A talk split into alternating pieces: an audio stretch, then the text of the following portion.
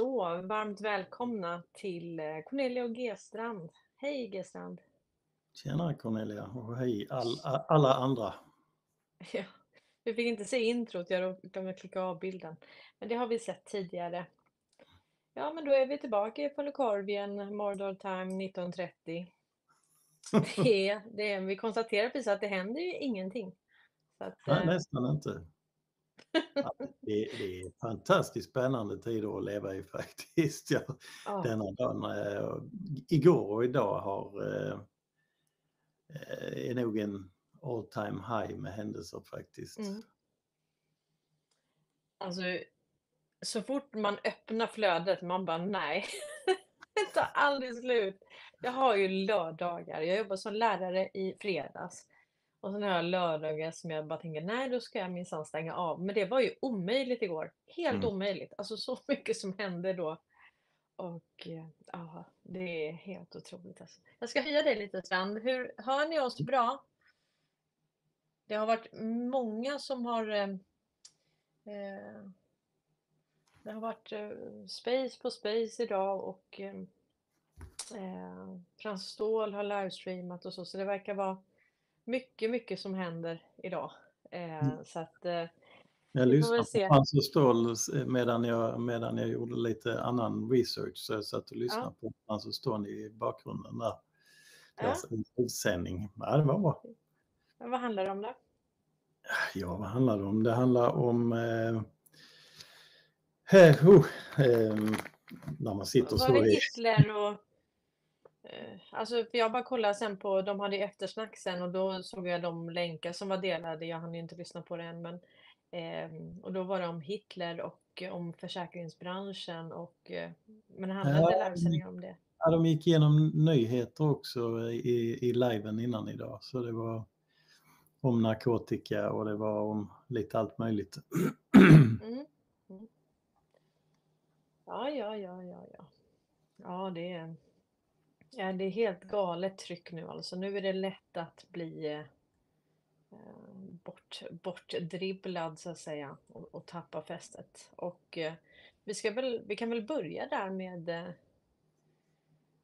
med den ekonomiska smockan som nu drabbar Falukorv Ja, det är ju, alltså det börjar ju tuffa till sig ordentligt för folk. Jag läste Jag läste att eh, folk gick och pantade sina mm, guldörhängen och en medelklass som knäar av elpriser, inflation och räntor är pantbankernas nya kunder i en bransch som exploderat. Klockor värda 14 miljoner men också navelpiercing för 45 spänn. Anna Gullberg tar förlovningsringen och åker blå linjen mellan Stockholms pantbanker i Sveriges fattigaste månad. Och det är ju, januari är ju historiskt Sveriges fattigaste månad också efter jul och nyårshelgerna och en extra lång eh, löne eh, utbetalningsperiod så att säga.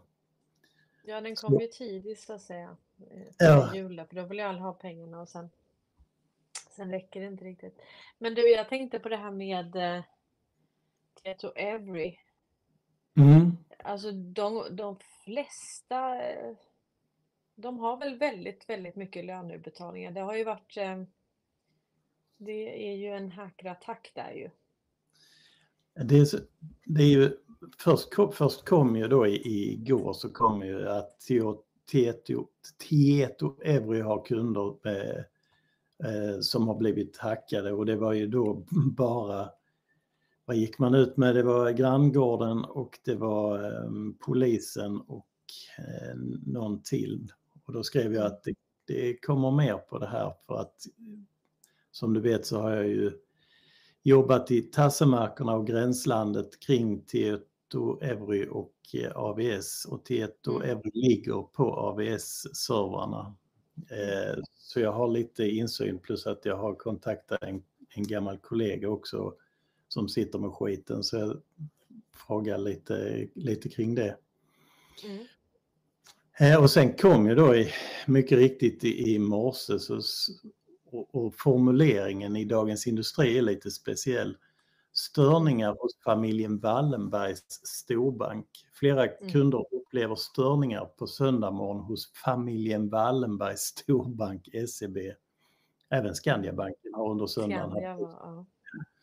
Så fokus här måste verka vara att koppla ihop det med familjen Mm. Wallenberg. Men vi ska ju inte missa heller att Swedbanks transaktioner, eh, folks eh, sådana här, eh, vad heter det när man är hos läkaren, deras eh, journaler ligger också Mm. på TT Euro-. Det är Mm. mängder banker, det ligger eh, regioner, det li- Nej, men ligger hela kommuner. Hela, ko- ja, ja, hela kommuner. Alltså det är hur mycket som helst. Det, det här är nog en utav de... Så det är ju kopplat såklart till de här ehm, affärssystemen och sånt. Ja. Det är, här står det digitaliserad visualisering och styrning av slutenvård på Akademiska sjukhuset. Eh, Bergen kommun förenklar försörjningsstödet för medborgaren.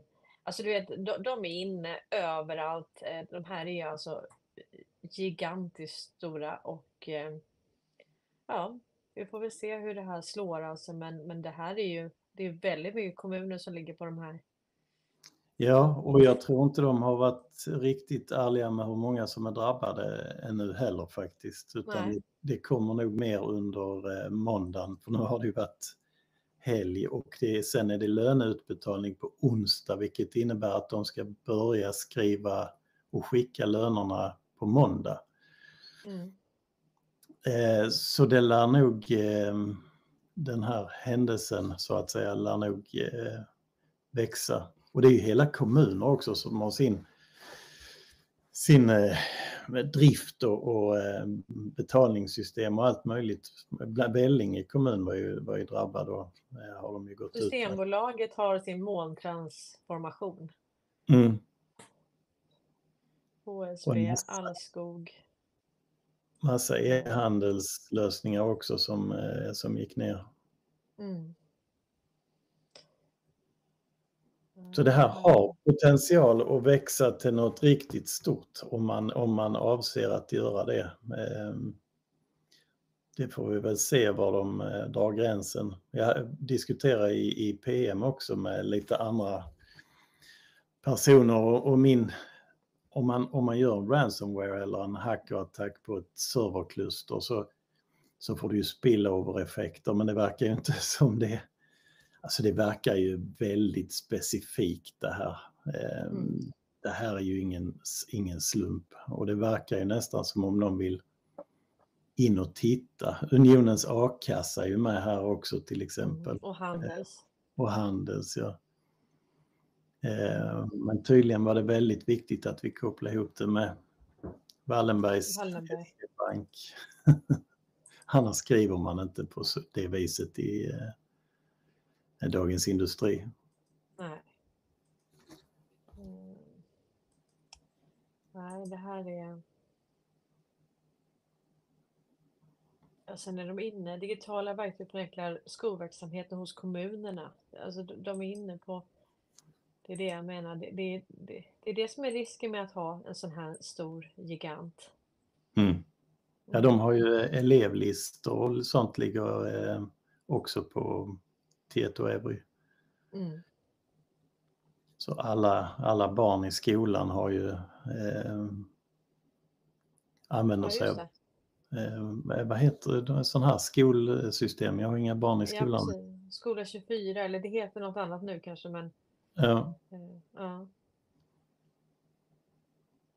så det, det är ju, eh, det är ju rakt in i IT-hjärtat. Eh, Mm. Som sagt ligger ju, samarbetar ju Tieto Evry med AWS, Amazon Web Mm. Services. Ja, ja, Och-. Och Amazon Web Services känner vi till och kopplingarna där till Ericsson Wallenberg. Och Tieto Evry förresten, val.se går också via Tieto Evry. Den ligger Mhm. också där. Och det, är, det är Tieto som har eh, utvecklat val.se och deras, vårt, val, vårt valsystem. Ja, jag hör själv hur det låter men eh, Jag har höjt upp mig själv nu. Det var flera som skrev där. Förlåt att jag inte tittade, men nu har jag höjt upp mig själv och sen ska jag speak up. Mm. Ehm, ja, men det här är väldigt intressant. Ehm, för alltså det jag tänker när det händer såna här saker hela tiden nu. Svenska kyrkan, FBI. Ja, du var ju på och skrev om det. Att Mm. sist det var, sist det var IT, då var det ju FBI som var involverade ju. Ja. Eh, mm. Och då tänker man så här att, att det här är, det är saker de vill ta. Alltså vi får tänka på att eh, när man då jag menar, om du tänker att man, man, man hijackade alltihop, eh, alltså 2017 där. Man man tog kontroll över hela systemet. Och sen så är det så att eh, man tog kontroll över Ericsson då, 2019. Och det här är ju så att hur länge har man egentligen haft tillgång till det? Men nu, nu är det ju, nu handlar det mer om att, att få oss att vänja oss vid att okej, nu har vi eh, nu har vi någon annan som har insynen och då är en bra ursäkt för att man till exempel får reda på, jag menar Svenska kyrkan, det var ju de som hade hand om vår bokföring tidigare till exempel. Ja, och då helt plötsligt så vet man, okej, nu är FBI och så, så att nu om det läcker ut uppgifter, eller läcker ut, det behöver inte ens, utan det kommer fram uppgifter, ja, då vet man att okej, det var en hackerattack och sen var FBI, ja, men då ser ju de allting. Och, och här har vi nu hjärtat av svenska företag och myndigheter. Det här, det här är ju hjärtat, alltså Tieto Every. Eh, det är ett stort pu- pulserande hjärta i hela systemet. Mm. Eh, och då om, om det har varit en hackerattack där och FBI blir inkopplad igen nu då, vi skulle säga det. Ja, då, Mm. då är vi där igen att då är det inte så konstigt att det har kommit ut uppgifter. Nej, och de, dessutom så eh, om man, om man då eh, tänker att vi ska ha öppna system så är det ju Mm. Om man, om man planterar och ser till så att AI kommer åt de här systemen eh, framgent så man är Mm. inne och justerar systemen i Tieto och Every så att AI kan ha insyn och kvantumdatorer kan ha insyn i, i systemet. Du menar en liten liksom- omkodning, en liten omprogrammering. Ja, En liten bakdörr som installeras kanske? Bara öppna en socket eh, in till, Nej, eh, ja, precis.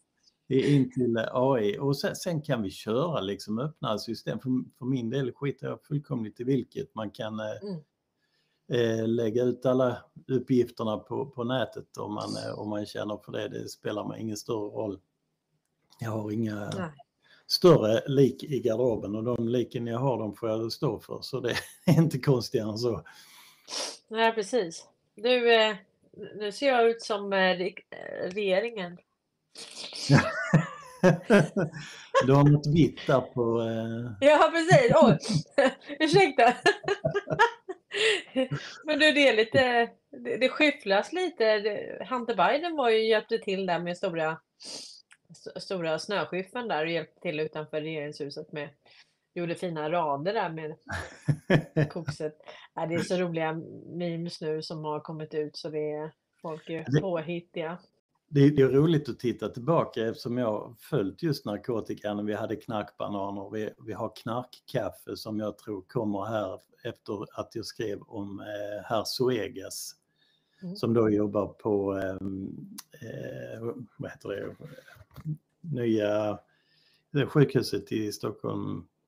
Eh, ah, han jobbar där, Nytt ja. sjuk, eh, vad heter det, nya ett nytt sjukhus i Stockholm.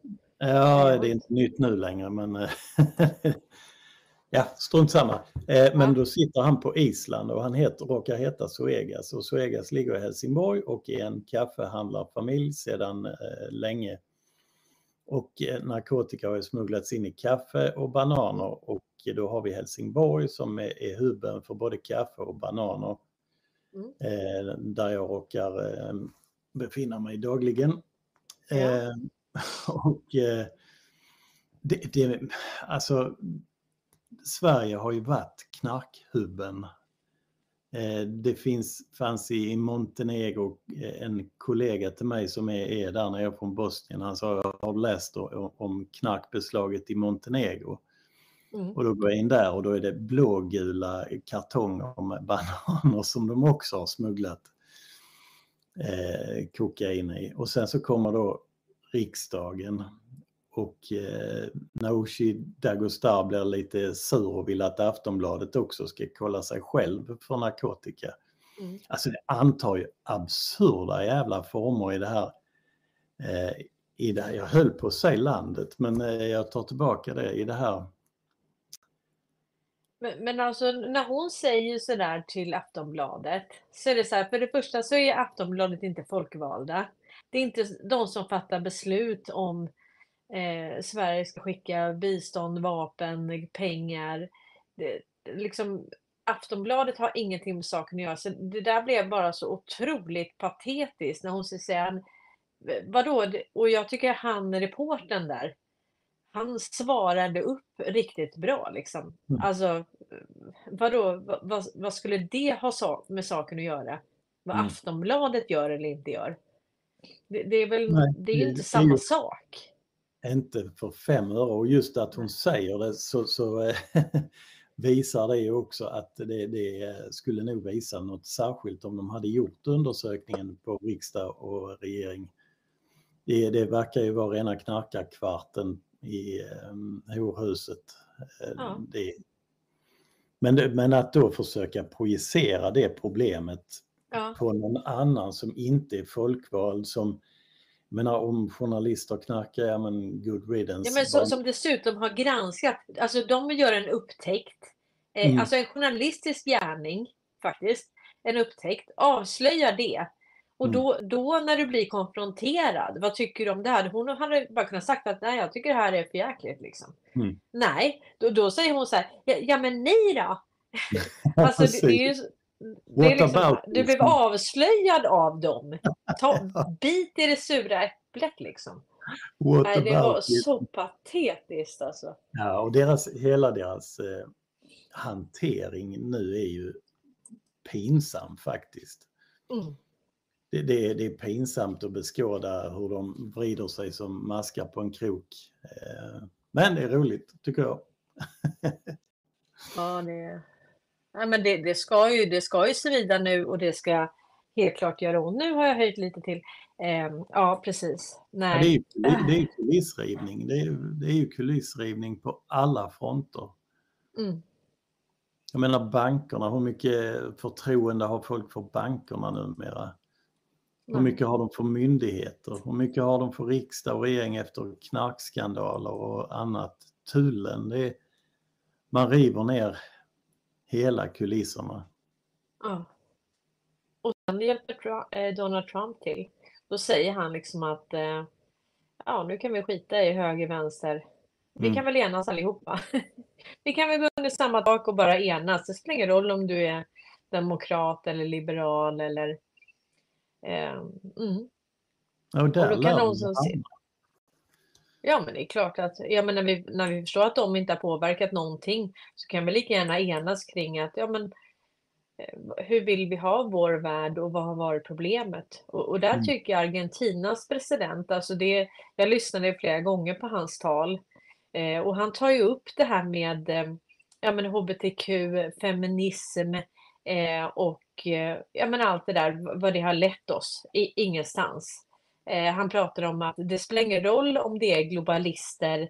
Eh, han rabblar upp massa, att alla de vill ha samma sak. De vill ha en, en överstatlighet och det har mm. aldrig gynnat befolkningen.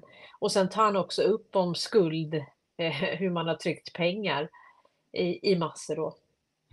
Eh, och det, är alltså det, är de, det, är, ja. det är någonstans där som vi, som vi måste hitta en common ground, alltså när vårt liv hotas, när eh, när, vi, när, när det gör tillräckligt mycket ont så måste vi prioritera vad vi faktiskt ska bry oss om. Och hbtq och hon, hen och, och så vidare, det, det är inte ens det är fan inte ens intressant. Eller om du är gay eller om du är något cykel eller vad du än är. Det, det, är inte intressant när vi hotas till våra liv eller när vår existens eh, är hotad eller om vi hade dratt det här till ett världskrig där vi riskerar att gå under allihopa, är det då viktigt liksom att diskutera eh, trans eller eh, ja, vad det vara månde.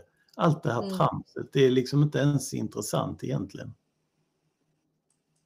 Men du, en annan intressant, äh, intressant sak apropå det här med eh, population collapse och alltså det som kommer fram nu.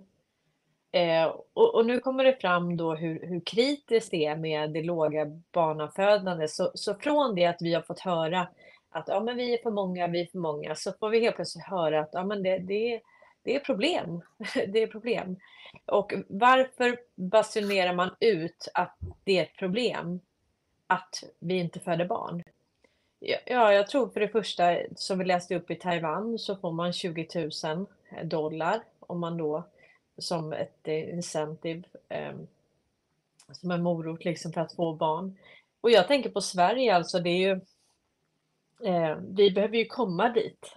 Mm. Att vi behöver, inte, inte bara för att få folk att vilja skaffa barn, att här får du 20 000 dollar, 200 000 spänn. Nej, det handlar ju inte bara om det, utan det handlar ju om att okej, okay, ska de lägga eh, komma i den fasen i livet att de skaffar barn så måste de ju få en grundplåt också. Jag vet hur det är att inte få det. Du vet, jag hade ju 4 000 i månaden när jag fick min son eh, och fick börja jobba efter fem månader och så. Och det är ju liksom så ser det ju inte ut i många andra länder. Det är ju alltså vi har ju pratat om Ungern, vad de gör för sina och hur de premierar det. Så, så att jag tror att hela debatten, alltså det kan vara så att det är verkligen lågt barnafödande. Det kan det absolut vara, men det kan också vara folkbildning. Att vi ska förstå nu att, ja det blir ju som att säga att okej, okay, vi har ljugit innan. Vi har fått er att tro att, att vi är för många på jorden och då kan du bidra till det genom att inte skaffa barn. Och, och nu är det snarare så här, okej, okay, om du inte skaffar barn, då kollapsar samhället. Eh, så mm. här får du 20 000 dollar. Och, och, det, och det är dit vi måste komma, men hur ska du kunna motivera det för befolkningen och tyck, alltså få folk att förstå hur viktigt det är att premiera de som är i den fasen i livet. Så jag menar, det, det är dels en ekonomisk fråga också. Om vi, tar, om vi tar Sverige som ett, ett exempel där vi har fått, där jag, alltså det är många som har sagt det, vi vi är för många för klimatet eh, tar ja. stryk och så faller klimathotet. Ja. Och så faller hela det narrativet. Sen går Elon Musk ut och säger att eh, och pratar om en eh, population collapse. Mm. Eh, och tittar man, om man tittar på Sverige högt uppifrån, de flesta har skaffat, det är i snitt ett, två barn per familj. Ja. Och sen de sista, då... sista åren, alltså, jag vet inte vad vi kan säga och jag tror inte riktigt på statistiken, men det känns som att, att debatten kommer upp nu och att man säger att det är färre som skaffar barn och så. Det kan, det kan vara en del i folkbildningen och det handlar om att förflytta opinionen till att det här kommer se ut på helt annat sätt i mm. framtiden. Och jag hoppas bara det kommer väldigt snart. För, att, för, för det är ju så att alltså, folk har inte råd. Det är en del i det hela och sen är, är vi, vi kanske inte är det landet som är minst hjärntvättad i klimathoaxen, eller vad tror du? Greta är härifrån. Där har vi nog svart bälte i, i klimathoax eh, skulle jag mm. tippa på. Men jag tror att för Sveriges vidkommande, vi, man säger att vi är 11 miljoner, det tror jag inte en spänn på. Och folkräkningen pågår ju. Ja. Eh, och sen dessutom när folk kommer på vad Sverige har ägnat sig åt så tror jag att ganska många av våra eh, tillfälliga gäster kommer att lämna oss per omgående och resa hem till sina länder när det har blivit ordning, när de har slipper svensk terror i sitt hemland. Mm. Det, det, innebär att vi antagligen kommer att stå inför en större eh, population collapse om ett större antal av vi säger, invandrarna åker hem igen av fri vilja. Mm. Eh, plus att vi föder färre barn. Eh, mm. plus alla, alla sjukdomar som vi uppenbarligen lider och dör av eh, också i den, det här samhället. Mm. Så, så jag tror att eh, population kollaps är väl fullt rimlig och fullt möjlig. Eh, ja, den är imminent, alltså den är verkligen på, på vi står på rand, alltså de, de som har kommit hit. Om vi säger att Trump ska göra den största återvandringskampanjen i modern alltså det har aldrig skett tidigare, men vi har ju mm. heller inte haft sådana här folkvandringar eh, i den här tappningen som vi har haft nu sen, ja men sen, sen 2015, det var väl den absolut största, den var ju helt galen. Och sen mm. har vi haft Grekland och så efter det, så det har ju varit, men det har såklart pågått en längre tid. Men, eh, men om de åker hem, det är ju faktiskt de som idag jobbar på, alltså vi gnäller så här, ja, de jobbar på äldreboenden och förstår inte, kan inte göra sig förstådda. Nej, det är ju ett problem. Men ett annat problem, det är att om inte de gör det, hur många andra är villiga att göra det då? Mm.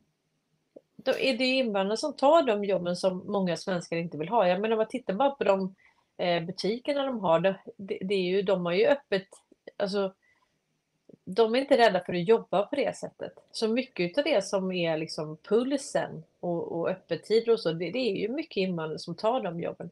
Och om de då åker hem till sina länder, eh, det är ju de som står både för, för många av de här jobben som ingen annan vill ha. Och sen är det de som står för barnafödandet också. Alltså, mm. Sen kan jag, sen kan jag, jag tro, mm. när jag växte upp så var butikerna aldrig öppna på söndagar. det var ingenting som var öppet på söndagar. Det var ingen som behövde jobba på en söndag heller för den delen, eller lördag. Um, och det hade väl varit, uh, varit trevligt om vi inte hade behövt um, ha öppet okristliga tider och, och kanske mm. jobba mindre och, och, få mer fritid och anpassa vår tid mer och kunna handla dagtid och, och så vidare. För, för den här globalismen har ju drivit på eh, och tillväxtkravet i ekonomin har ju drivit på att man måste ha öppet liksom i stort sett 24-7 eh, mm. och, och, inga löner helst på de som jobbar där och mm. maximal försäljning. Eh, och det, det bör vi komma ifrån och det snaraste. Jag pratade med en eh, som också är lärarvikarie när jag jobbade i fredags på skolan. Eh, och då pratade vi om det här med, eh, ja men, eh, alltså hur, hur mycket, ja men till exempel på lågstadiet. Hur mycket håller de i en penna? Hur mycket skriver de ett ord? Hur mycket läser de i en bok och hur mycket, eh, hur många tal eh, löser man? Och, och, då kan det ju vara att du leker med klossar eller vad som helst, men du kan leka in det. Och jag kan säga att det är mycket sånt här annat, det ska vara kul hela tiden och så. Så att, jag menar egentligen skulle du klara av skolan, ja men säg tre, fyra gånger i veckan, max fyra timmar, då hade du klarat av skolan. Alltså du behöver inte fylla ut och det var det som var lite den här presskonferensen. Det var ju liksom att ut med agendastyrd eh, undervisning, ut med religion, ut med eh, plattor, ut med, alltså in med riktiga böcker, in med penna och papper och så vidare. Eh, och då tänker jag så här, men, men, då pratade jag med den här då och då sa jag, ja men det, det, föräldrarna jobbar ju. Ja, det är ett problem. Det, då, det, men mm. då är frågan då, varför måste föräldrarna jobba åtta timmar? Och det är ju det jag har kört i flera nu med det här med after work, eh, den här med medborgarlön och så. Jag menar, det är ju hittepåjobb.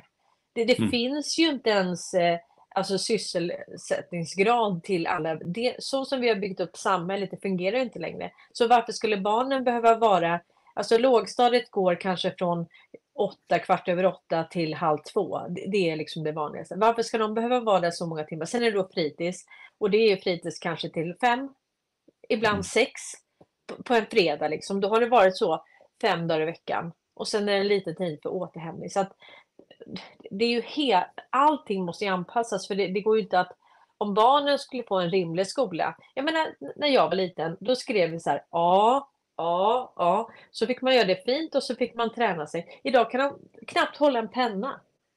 Nej, det, det, och det, och det, var, det är 15-åringar som är analfabeter. Som har gått ut mm. skolan nio år och inte kan läsa och skriva. Det är skandal mm. alltså. Ja, det är erbarmligt är det och man har drivit den här eh, Bagge Welanderska skolan in absurdum och, det, det, och, och även arbetet har ju genomsyrats av det där också naturligtvis, arbetslivet. Mm. Och att barn ska behöva vara från så här, 7 till 5 på eh, skola och, och eh, fritids eller vad det nu ja. kallas. Det, det, alltså det är omänskligt. Det är omänskligt är det. Mm. Ja, det, är det. Och, och, att, och att vuxna också ska behöva lägga åtta timmar om dagen, eh, fem dagar i veckan, det är också helt orimligt för att bara precis gå jämnt upp. Och jag såg en film från USA, en tjej som satt och, eh, och grejade. Hon hade tre jobb, tre heltidsjobb. Och det gick jämnt upp. Alltså ska vi behöva gå... Nej, nej men, det, det, nej, men det, det, det, sa ju, det sa ju Stensö att det, det där är, det är meningsfullt. Det, att det är meningsfullt att jobba. Men alltså är det meningsfullt att jobba tre jobb bara för att som ensamstående mamma, då kanske man ska överväga att inte få barn överhuvudtaget. Det är väl ingen som kan tycka det är meningsfullt att vara borta all den tiden från familjen. Alltså, Nej, jag, jag, jag, blir, jag, jag blir sjukt provocerad när man försöker säga att, att det där skulle vara meningsfullt. Det handlar väl inte om, alltså om jag står och rensar fisk hela dagen eller om jag står på ett band och så här. Och det där kan en, en dator göra hur lätt som helst. Men, men man vill behålla eh, skenet av sysselsättningsgrad. Mm. Så, så jag ska vara en form av experiment. Jag ska stå där då, man vet inte hur det, hur det påverkar mina, och göra den monotona rörelsen hela tiden. Och det hade lätt ja, du sliter alltså, ut dig. Så att, eh, du sliter ut dig och sen så när mm. du är 67 eh, eller 70 när du nu kommer att pensioneras så duger mm. du ingenting till längre. Nej. Det Nej, och, och, och det är då du ska göra allt det där meningsfulla. Till exempel mm. vara med barn och barnbarn, liksom ägna dig åt en hobby, alltså göra någonting. Vad är livet? Och jag pratade med Karl Norberg om det där, liksom att, jag menar, om vi säger att du inte, det hade varit mycket bättre för henne att vara en riktig slav, alltså förr i tiden, då fick du i alla fall mat och husrum. Nu, mm. nu, nu har, om du, alltså vi är i en situation där två heltidslöner inte täcker det basala, alltså mat och husrum. Nej. Var, vart har vi hamnat då? Då. Då ska de behöva ha, eh, ska de ha två jobb var då? då? Och det, mm. det är meningsfullt då. Det, det är ja, jättemeningsfullt. De går och tänker vad meningsfullt det är att ha mina barn på förvaring hela dagarna. Eller nattdagis. Men det, det här, tar ju aldrig, det här tar ju aldrig, det här måste folk förstå att det här tar ju aldrig slut eftersom tillväxtkravet i den här gamla ekonomin mm. kräver att du jobbar mer och hårdare, 2% ungefär varje år. Och, och även om du jobbar två jobb, nästa mm. gång lite längre fram får du jobba tre jobb, sen fyra ja. jobb. Mm. Sen, sen, får du ha liksom extra slavar som jobbar dina jobb också för att det här mm. tar mm. aldrig slut. Det, det, mm. kommer bara bli värre och värre och värre och värre hela tiden. Mm. Och någonstans måste vi rycka i handbromsen och säga det räcker nu. Vi, eh, det räcker att en jobbar och, och, det räcker att vi jobbar kanske, vad vet jag, fyra, sex timmar eh, eller ett par dagar i veckan eller något liknande. För det, det, är inte meningsfull sysselsättning vi gör heller för vi producerar skit som vi sen konsumerar för att vi mår så jävla dåligt så att vi måste köpa skit för det är det enda vi kan göra när vi har ett par timmar över på kvällen efter jobbet. Då, då, måste vi döva det med antingen narkotika eller shopaholics eller spelmissbruk eller något annat. Det är mm. precis där de ville ha oss.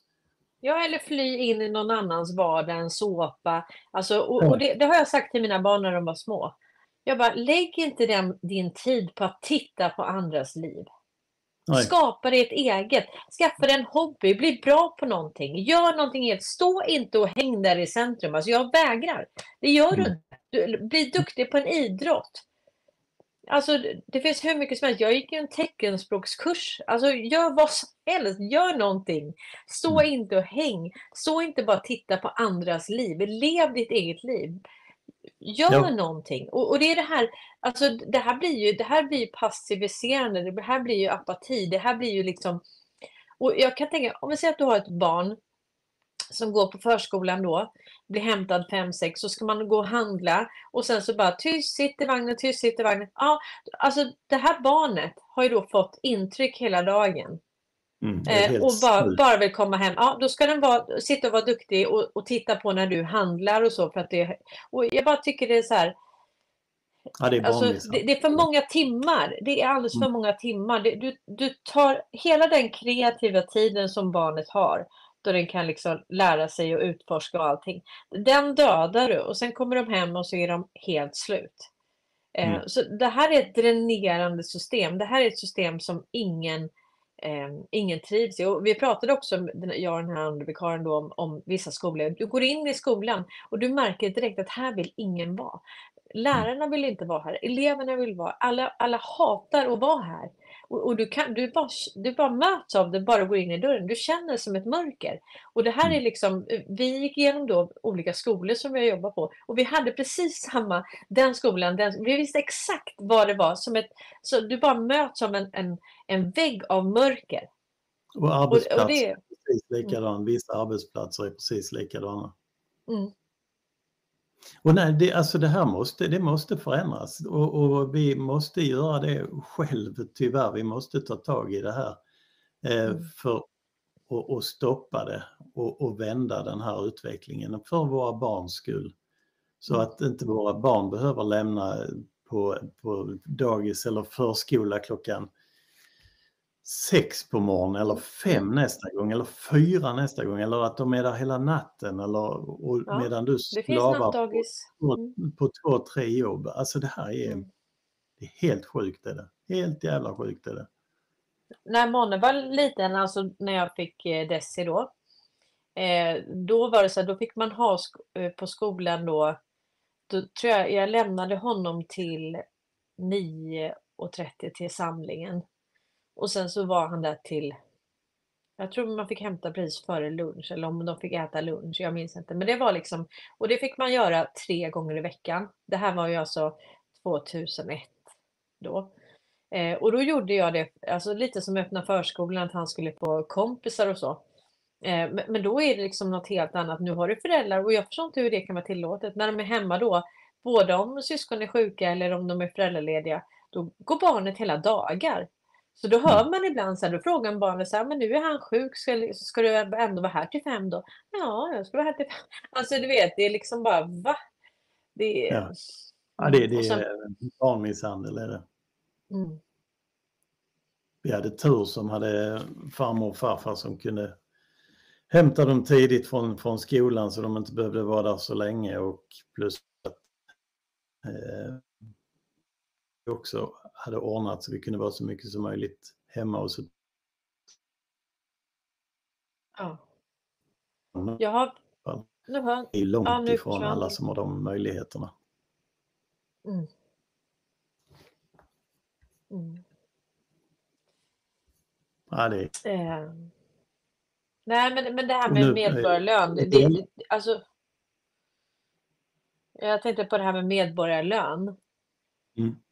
Eh, jo, men alltså det jag försöker se, det är ju hur vill de styra opinionen? Varför släpper de en dokumentär på SVT? Varför pratar Elon, Elon Musk om medborgarlön? Och, och då tänker jag så då, då måste vi fånga den bollen i, i folkbildningen. Och, och det handlar ju inte om att eh, Cornelia är för medborgarlön. Det är ju inte det det handlar om, utan det, vad det handlar om, det är att det, det är oundvikligt. Det måste bli så för att liksom, oj, eh, på det sätt som vi har byggt upp samhället, det fungerar inte längre. Det är alltså hittepåjobb, det är låtsasjobb och så. Eh, och antingen kan man sitta här och försöka säga vad man själv propagerar för. Huh, nej, vi propagerar inte för någonting. Vi försöker se trenderna i samhället och se att liksom, de har ljugit för oss. De har försökt dölja sysselsättningsgraden hur länge som helst genom olika åtgärder. Det är komvux och det är, för, alltså man har försökt gömma, eh, gömma att, att vi har så låg sysselsättningsgrad. Och det har då gått i fyra års cykler utifrån, ja, så, så att, men egentligen om vi bara tar fram det rent klass så är det, vi har inte, vi har mycket högre arbetslöshet än vad som visas. Alltså den är Mm. inte i närheten av de offentliga siffrorna. Nej, jag, läste, jag var inne häromdagen och läste det ett stod 7,6 tror jag eller 7,8 procents arbetslöshet. Jag menar vem fan tror på det? Vem tror på det på riktigt? Du minns du vad det stod 2020? När det var, det här var alltså 2020 så stod det så här på eh, eh, SVT Nyheter, du vet på, på den här text-tv. Då stod det att varannan Mm. Yrkesarbetande globalt hade alltså permanent förlorat sitt jobb. Mm. Vi pratar 2020 så hade hälften av alla yrkesarbetande i världen permanent förlorat sitt arbete. Det vill säga just det arbetet de hade kommer aldrig komma igen. Sen kan de få ett annat arbete, fine. Men de, just det arbete de har, det kommer aldrig komma igen. Om det var Mm. hälften 2020 Ja, och då, och då, hade vi, då hade vi alltså en arbetslöshet redan innan 2020. Och då hade hälften av dem som är permanent förlorat. Så att med, med deras siffror så skulle den ligga på 50 procent. ja och jag tror nog sanningen ligger någonstans mellan 15 och 20 procent eh, arbetslöshet och, sen så eh, tar man då in arbetsmarknads, arbetsmarknadspolitiska åtgärder och annat eh, och, och så får man och friserar siffrorna och annat och får det att se ut som det är omkring 8 procents arbetslöshet. Och det, så det finns ingen som kan, ens kan tro det. det. Det är inte ens rimligt. Mm. Men det, det är ju det här ständiga sifferdribblandet alltså i detta land. Man eh, friserar siffrorna och man klipper till dem och, och eh, rakar dem och kammar till dem och, och allting bara för att det ska se så bra ut som möjligt. Ja. Och, och sen har vi då en diskussion nu om barnafödandet. Och då måste vi också nappa på, alltså vi måste försöka takta med det som kommer ut i media. Nu har det kommit om eh, population collapse, vi föder min, eh, färre barn och så vidare. Och då är det en puck som vi måste ta, vi måste driva den och då måste vi göra det från, eh, från olika perspektiv. Att vad, vad kan det bero på? För det första, är det sant och eh, om det nu skulle vara sant, eh, hur bidrar det? Ja, men det är klart, och, och då kanske om vi säger att vi ligger på ett till två barn, då kanske det är att eh, vi skulle behöva ligga på tre till fyra barn. Men hur många i det här samhället föder fyra barn? Alltså du vet, du har ju de här familjerna annorlunda och dem. Men alltså vanliga, vanliga familjer idag, det, det är ju ett till två barn. Det ser jag i skolan. Då frågar man, alltså de har ofta ett syskon. Det, det, det är Ja, inte så många som har liksom, eh, ja det är invandrare då, de har ju flera barn. Men, Och, och, och skulle, de åka, skulle de åka hem så att säga? Jag menar, ja. vad har vi kvar att bygga en ekonomi kring eh, här i, i Sverige då? Det, det är fortfarande sysslor och arbetsfördelning som måste ske i samhället för att vi ska kunna existera och leva tillsammans. Och då måste ju det, den arbetsmassan så att säga, den måste fördelas på, Mm. på eh, x antal personer. Och om vi, om vi inte är särskilt många personer så blir, får vi ingen ekonomi och vi får ingen, eh, ingen avlastning heller. Eh, så, Mm. så det, det är ju ren överlevnad att, att vår stam, tar det med, jag menar inte stambegreppet, men alltså som vår entitet eller befolkning är nog rätt, eh, rätt ord. Ja. Vår be- befolkning måste ju öka för vår egen, eh, för att det ska bli lättare för oss alla helt enkelt. Mm. Men skulle Ja, det visa precis. sig att vi kanske är, jag bara skjuter från höften här, säger att det skulle visa sig att vi är 6 miljoner i, i, i Sverige. Ja. Ja men det, det är ju hälften, alltså det är ju en djävulsk skillnad rent ekonomiskt. Ja, men Eh, sä, säg att vi skulle vara 6 miljoner. Men- Menar du före återvandring eller efter? nej, Du menar efter, nu? Ja, efter. Efter återvandring? Okej, ja. Mm. 6 miljoner, ja precis. Och då, då får du tänka på hur många är, är fiktiva, alltså eh, när Mm. de nu gör beräkningen då, tänk om det går bort en miljon då? Ja. som är som är fiktiva, som, som ingen vet. Har de åkt tillbaka redan? Är de döda och så? För, för det, det var ju, jag lyssnade faktiskt på Hotspot med Janne Josefsson. Eh, och det var väldigt intressant för han, han pratade då om att ja, men han ville ta upp det här med eh, eh ja, men till exempel med att eh, många av de som kom från Afghanistan var över 18 år fast de sa att de var under 17 då. Eh, och då var det så här, när han skulle ta upp det, ja men då sa hans kollegor liksom att ja men då spelar du SD rätt i händerna. Så han, Mm han, gjorde, han gjorde den granskningen ändå och jag säger inte att han är någon helgon eller så. Men det var rätt intressant liksom att, han, att vissa ämnen fick inte han ta i för de andra för då kunde det gynna ett visst parti liksom. Och Ehm, den, så handikappar vi oss själv i diskussionen om vi hela tiden ska ta hänsyn till den här tramsiga jävla partikulissen. Då kan man inte Mm. säga vad man, vad man tycker. För då, då får man, eh, "Jaha, är du SD? Nej. "Jaha, Är du Nej. kommunist? Nej. Alltså Nej, det precis. handikappar hela tiden. Eh, Fan, ta bort den här kulissen. Och, Ja, men då, då ville han också, han ville granska då bidragsfusket. Och då Mm. visade det sig, sig att många utav de här, de fick, de fick alltså ut bidrag fast personen i fråga redan var död. Eller Mm. hade liksom åkt tillbaka till sitt land. Så de, de visste ju då, det här var ju många år sedan, de visste att det här, att det fuskades så mycket med bidrag och att många utav de som fick bidrag, de, de fungerade, de, alltså de, de existerade inte i verkligheten. De fanns inte. Så de fick Nej, bidrag för personer som inte fanns. Och det här visste man för många år sedan. Men då, men då kunde de inte då... Eh, ja, då fick han jättekritik då från redaktionen att han skulle granska det. Därför att, så att bankerna måste likviditetsförsörja, så det är bankerna som styr och bankerna sätter munkavle på, på journalisterna för att de inte ska avslöja det här eh, bedrägeriet som de har hållit på med. Det, invandringen handlar ju om ekonomi och likviditetsförsörja eh, det ekonomiska systemet. Och, och när, man, när de då, journalisterna, bara andades något i den riktningen så fick de höra att antingen så eh, spelar de SD i händerna, ja, då sköt man ner den diskussionen där. Eller så ville bankerna att eh, ha tyst på en och då fick man inte prata av den anledningen. Så det, mm, det finns ju en... Först sa man ju eh, sån här åsiktskorridor. Ja men den åsiktskorridoren är ju satt av de här kulisserna för att Mm. inte utmana kulisserna eller bankerna eller Wallenberg eller vad det än vara månde så Mm. är vi ju...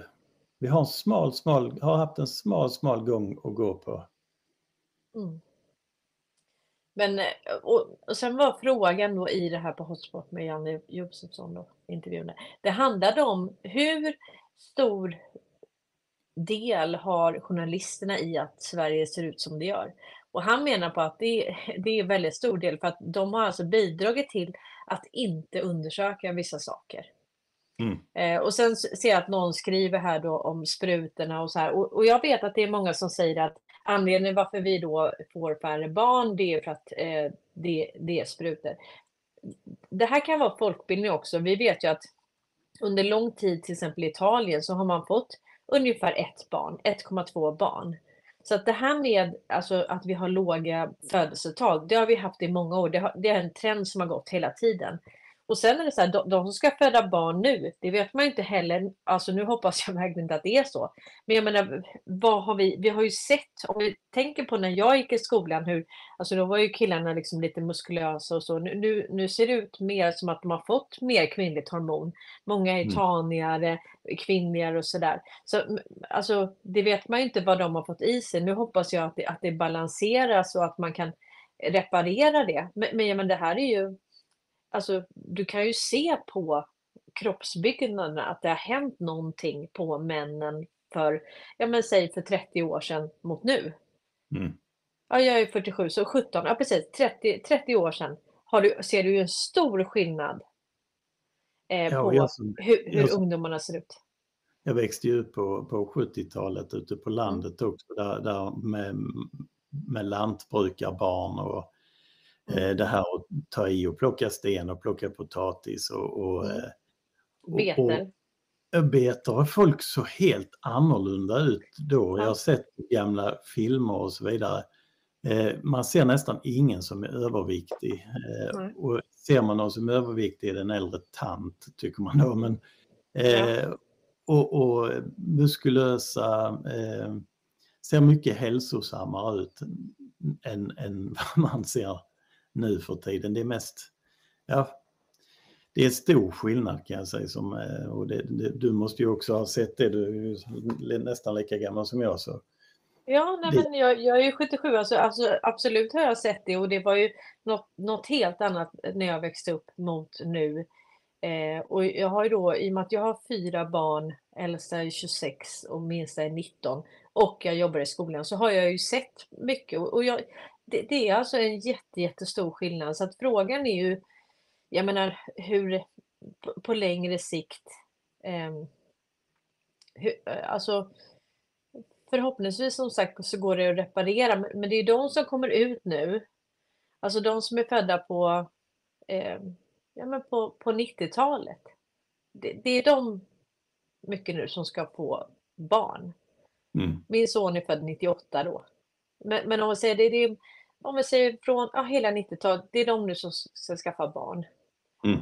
Eh, kanske främst då. Alltså det, man, man, är väl kanske, man är väl runt 30, 35, så om vi säger 98, ja, då, då är man ju liksom, ja men runt 25 till 35 ja, då. 25, 30 mm. omkring.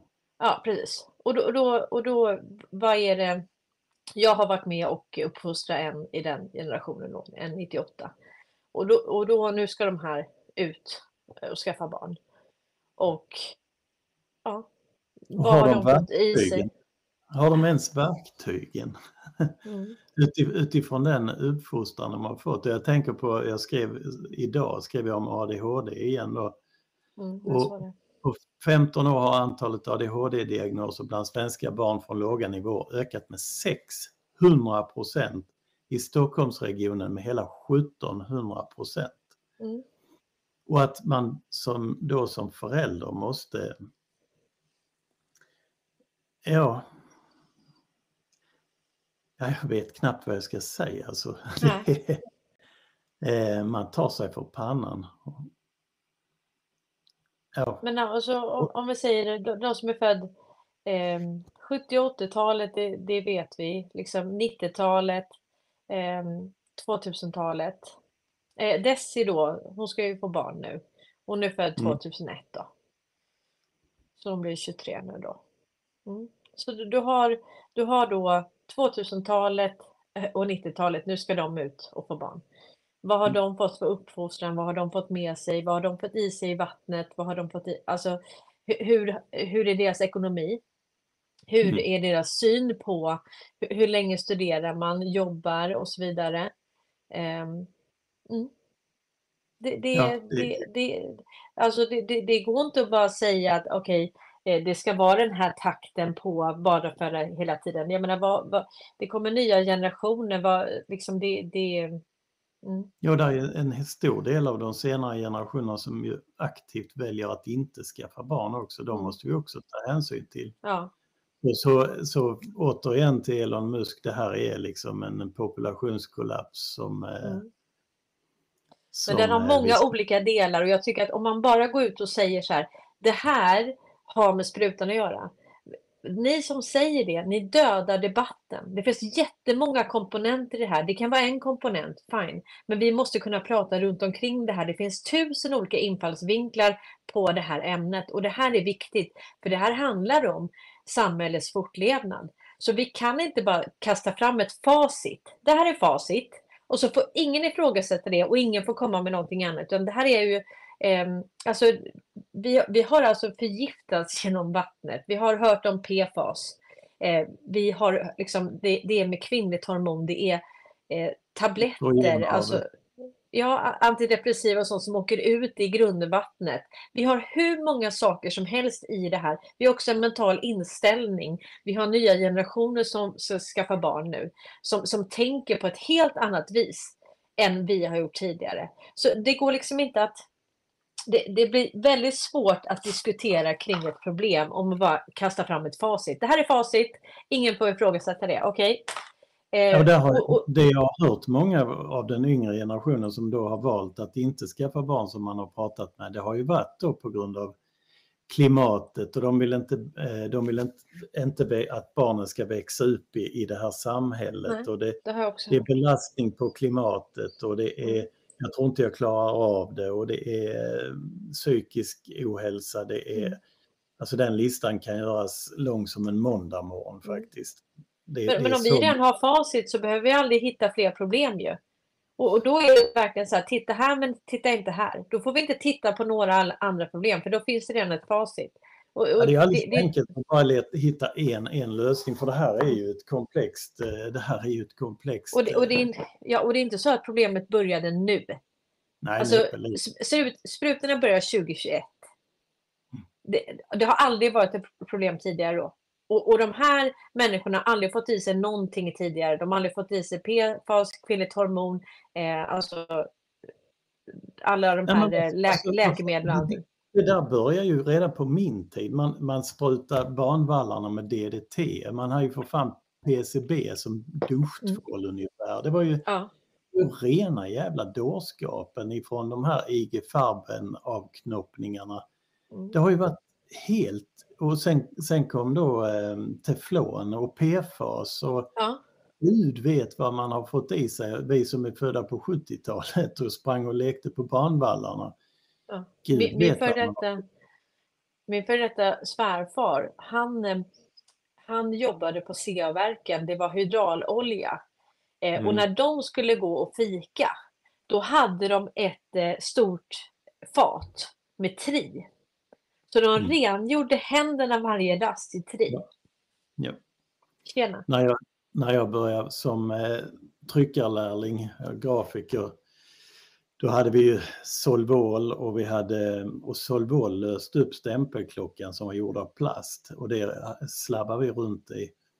Vi hade barn, vi hade massa geman, alltså lösningsmedel och, och som vi bara plaskar runt med. Sen kom då plasthandskar som gick sönder efter eh, två sekunder som man fortfarande plaskar runt i. Alltså vi, man vet inte vad vi har fått i oss för lattjo grejer alltså. Och det gäller då som nu. Och nu tror jag att eh, kemikalierna är mer förfinade. Och det, det, det, kan nog angripa ditt DNA också gubevars om man låter det. Men då kommer vi in på sprutor igen till exempel. Jo men alltså, jo, men alltså det, det är ju liksom och det är bara att titta på det som eh, framkom med eh, cancergener, alltså i, i de här eh, mässlingsprutorna. Där var det ju mm. ett erkännande att vad var det, 98 miljoner amerikaner hade fått i sig det.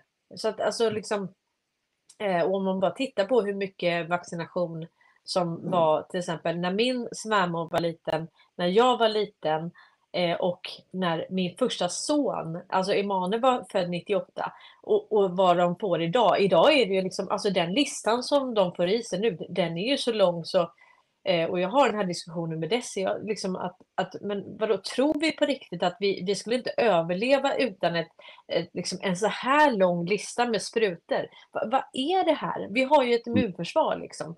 Men, men då, och jag förstår att man älskar sitt barn. Eh, och det är klart att man tänker att ja, men jag tar det säkra för det osäkra. Men, men det, kan ju, alltså, det kan ju vara precis tvärtom. Alltså man kan vända på steken. Det är det jag menar med att, att många yngre inte har den verktygslådan att stå upp och säga nej. Nej, nej jag, och, och vara starka nog och säga där, nej jag tänker inte vaccinera mina barn eller nej jag tänker inte ge dem en massa socker eller jag tänker... Nej, nej, men vi, vi har den diskussionen nu och jag säger, hade jag vetat det jag vet idag, alltså nu har de inte, de har inte fått livmoderhalscancer, de har inte fått eh, eh svininfluensan, de har inte fått och de fick ju väldigt lite, det var mycket mindre när de var små än vad det är idag. Eh, mm. och, och då liksom, nej men det, det, det, är svårt att ha den för man, man vill ändå, det, det, är det här tankesättet, man vill ta det säkra för det osäkra liksom. Mm. Eh, men nu, det är ju helt man, galet. Nu ska, nu ska vi, när vi ändå är inne och pratar om, om eh, eh, population collapse eh, så, så ska vi komma ihåg också att ekonomin ser oerhört mörk ut egentligen om man Mm. för de som inte är eh, initierade så att säga så, så ser det ju väldigt, väldigt mörkt ut. Det är fler som blir uppsagda, det är fler som blir varslade och eh, mindre pengar i plånboken. Skulle man då skaffa barn i det läget? Nej, det tror jag nog många drar sig för.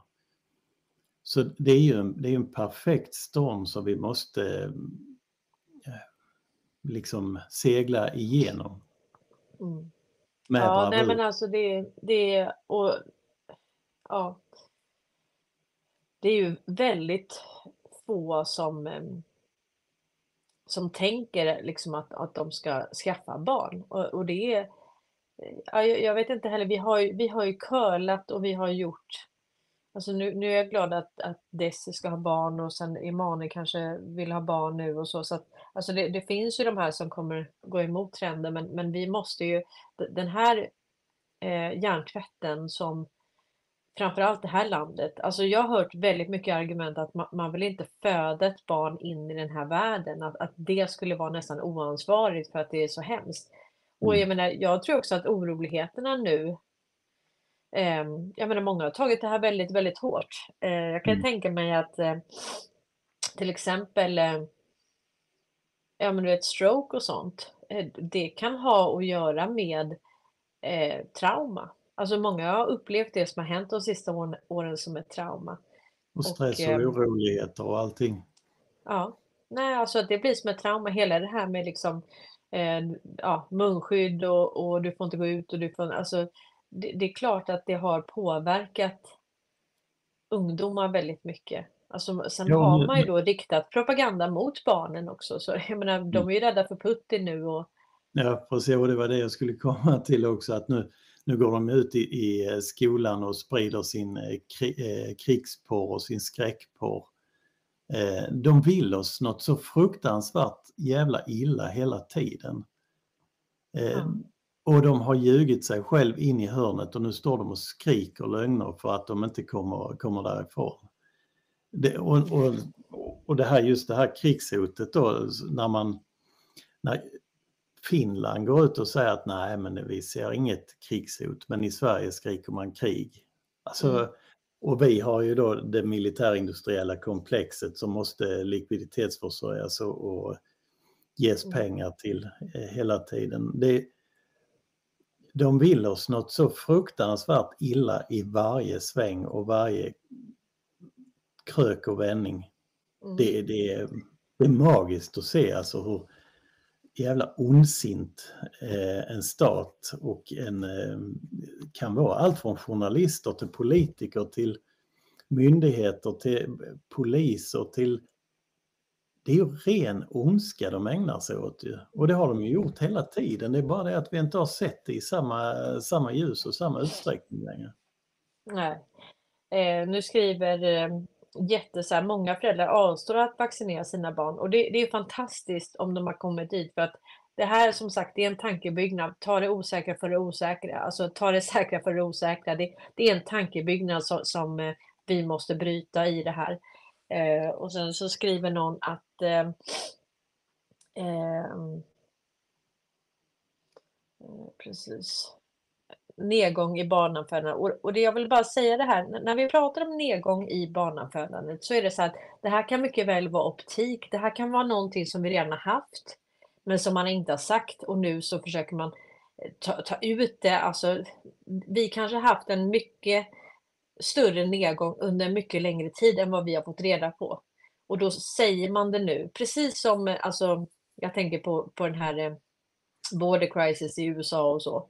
Eh, och det, där är det logiskt då att man har haft en öppen, öppen gräns under lång tid. Så det som, det som de säger utspelas nu är det som har gjort under lång tid, men det händer inte just nu.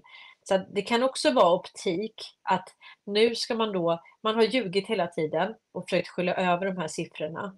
Nu ska det här ut och vi ska diskutera problemet och vi ska förstå att det här är problem. Det kommer ske väldigt mycket förändringar i det här. Eh, Så att det kan också vara så att, att, vi, att det blir som en fördröjd, eh, ett fördröjt avslöjande om hur det egentligen har sett ut hur vet vi att statistiken vi har fått oss till del de sista tio åren har stämt? Det, det har vi ingen aning om. Jag tror till exempel att arbetslösheten är mycket större. Jag tror att barnafödandet har varit mycket lägre än vad de har sagt och så vidare. Så att vi, vi måste ha med oss det här att det finns ingen statistik nu som vi eh, till 100% kan lita på.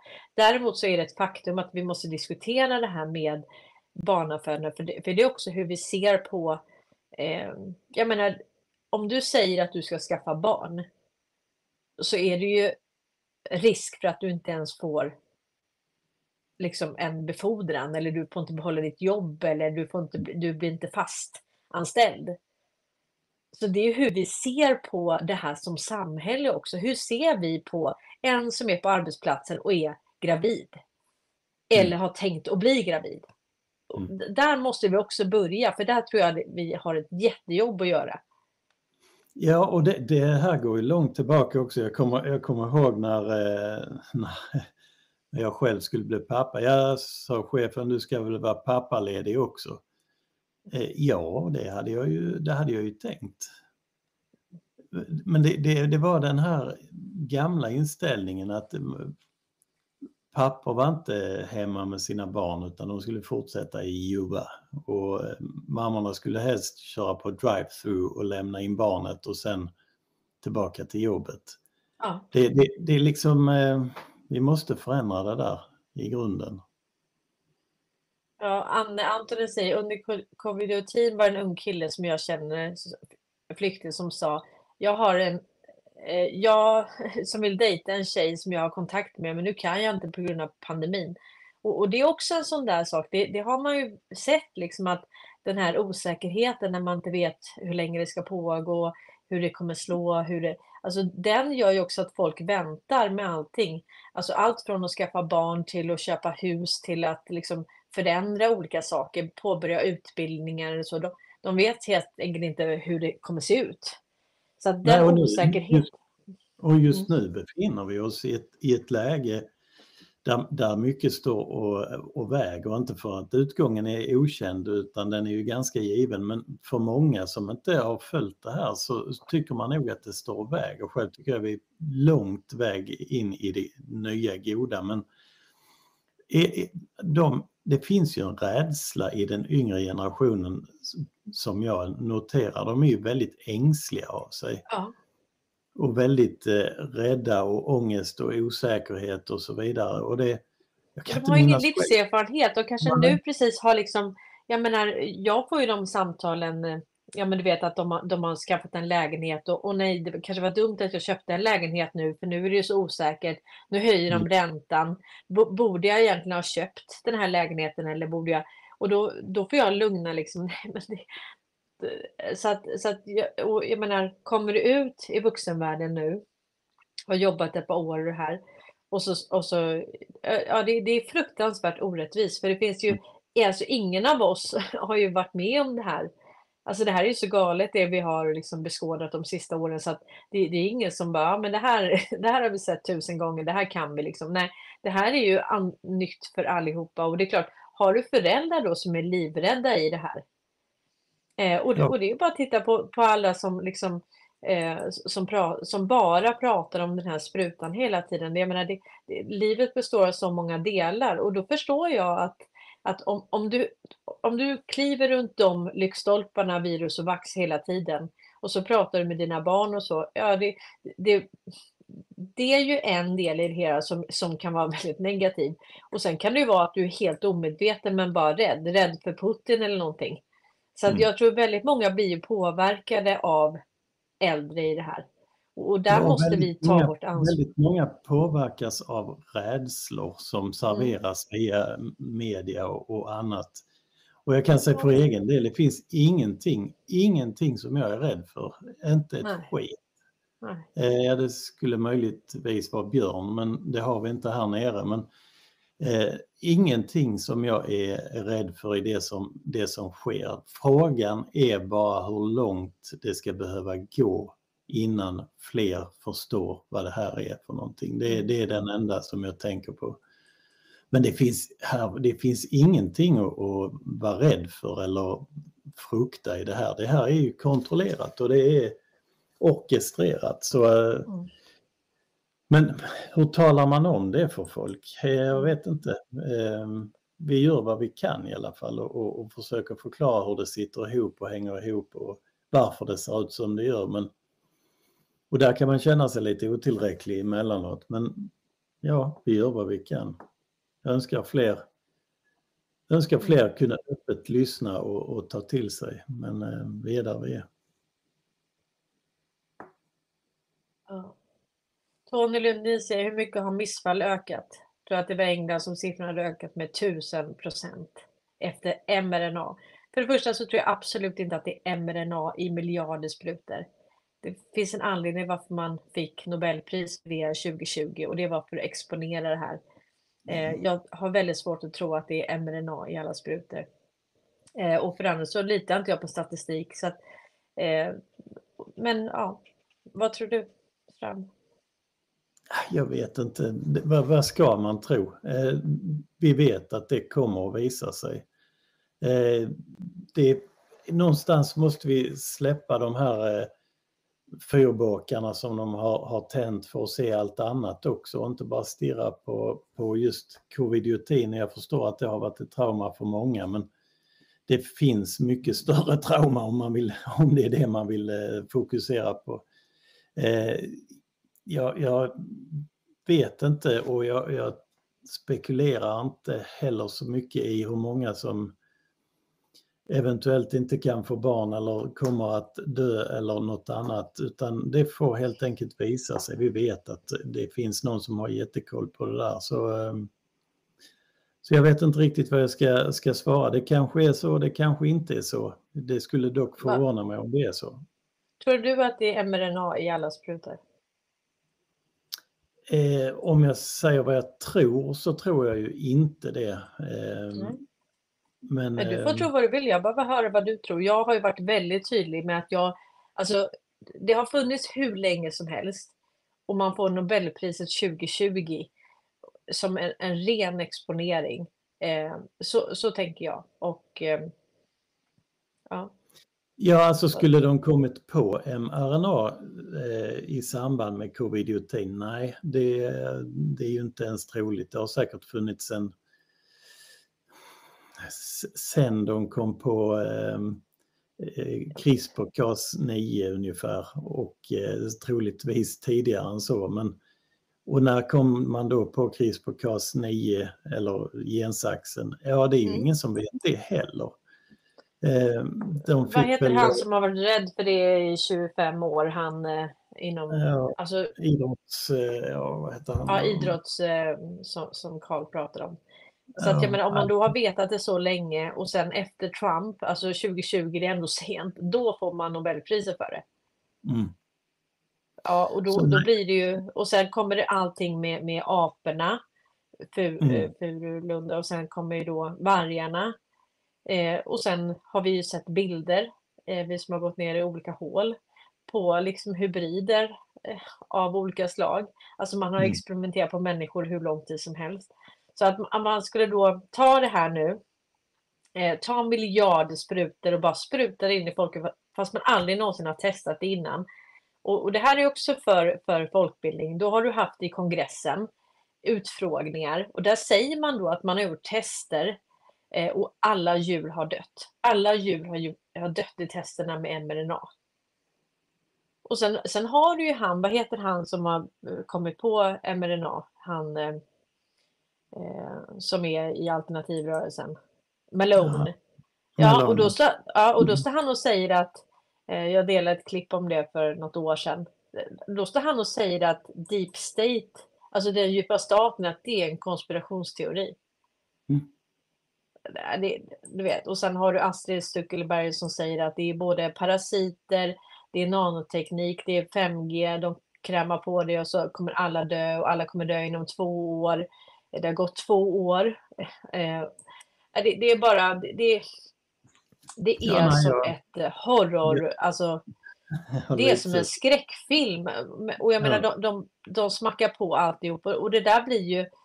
Eh, ja, det kan vara så. Vi har absolut inga be- belägg för att det är så. Och jag har väldigt svårt att tro att det skulle vara så illa. Och är det så illa så är vi, då, då finns det ingen motverkan och då är vi körda i alla fall. Då finns det ingenting att göra. För om det är eliten som fortfarande, och de kan liksom pull off this, de kan då skjuta in i miljarder människor så de, eh, då är vi körda. Det enda som finns att vara rädd för det är ju rädslan själv och, då, och det är ju rädslan som gör att man går på sådana här som PCR-tester som används i allt möjligt för att diagnostisera sjukdomar så använder man ju PCR-testet mycket, mycket mer än vad man först tror. Mm. Det är bara att gå in och kolla vad man vilka sjukdomar man diagnostiserar med PCR-test och då, då försvinner alla dem för då är det inte ens rimligt eller troligt att de ens existerar eftersom PCR har använts som det har använts. Och då, då är vi lurade där. Så att mm. Eh, det finns inget annat att vara rädd för mer än rädslan själv faktiskt. Och dö ska vi alla göra, det är ingen som kommer undan det.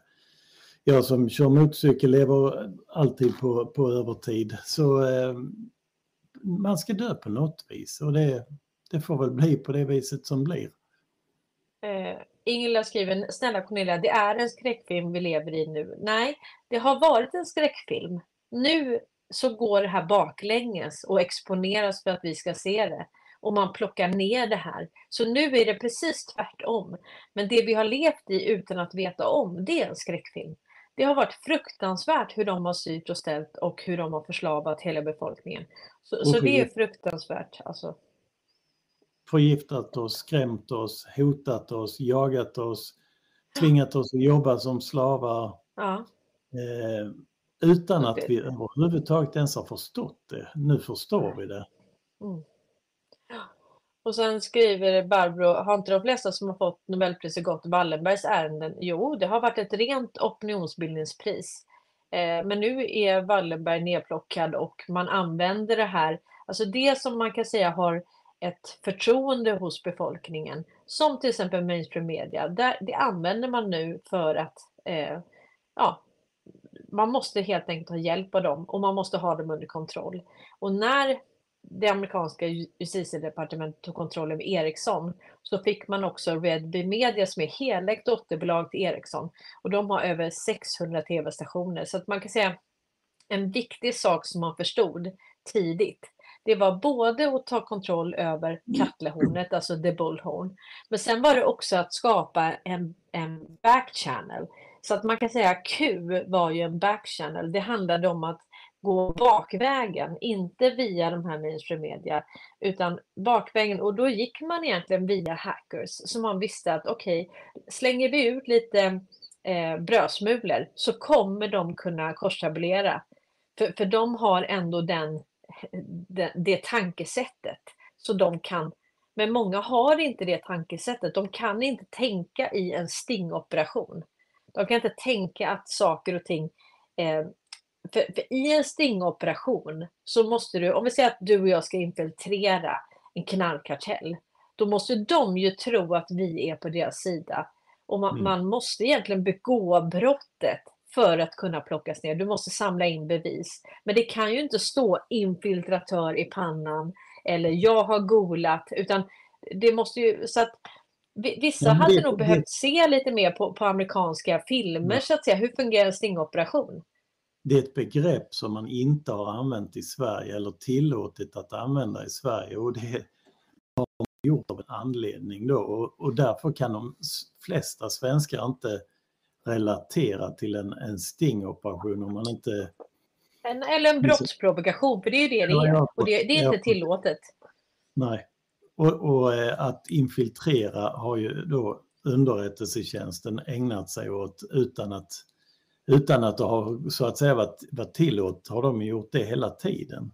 Mm. Ehm, och vi har haft våra hållhakar och annat som också är, men, men just stingoperation har väl, väldigt många svårt att relatera till i, i mm. Sverige mm. av den enkla anledningen att det har officiellt varit förbjudet medan de själv har använt det.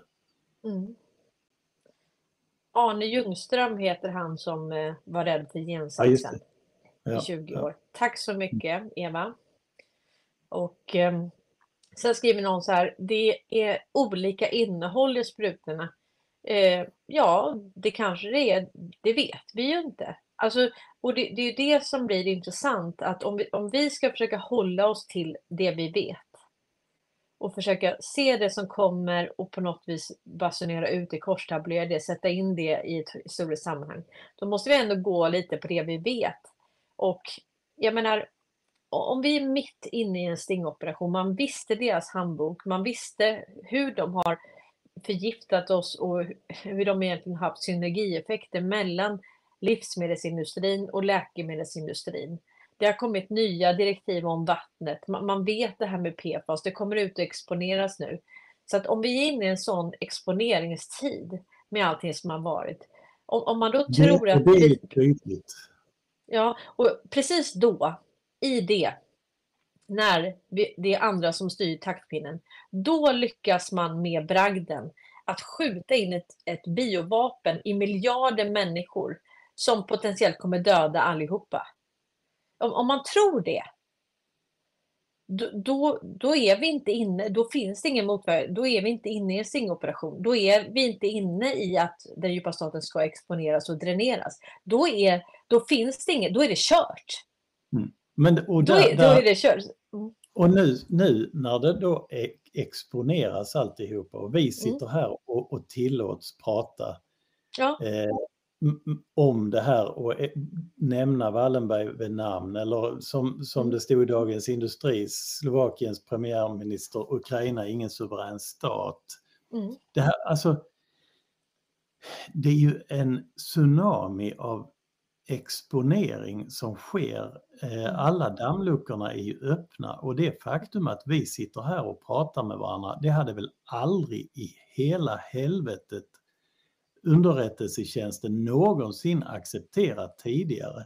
Eller att det står i Dagens Industri störningar hos familjen Wallenbergs storbank eller allt jag har exponerat de senaste alltså mord som, som, eh, och finansiering av IS och eh, jada jada. Vi har ju exponerat riktigt, riktigt stora grejer. Vi tror, skulle väl aldrig få lov att göra det. Dessutom att det kommer ut i tidningar att våra folkvalda ägnar sig åt narkotika. Vad, vad fan är oddsen att det skulle få lov att hända om vi hade fortfarande varit i en totalitär eh, oligarki eller en fascistoligarki.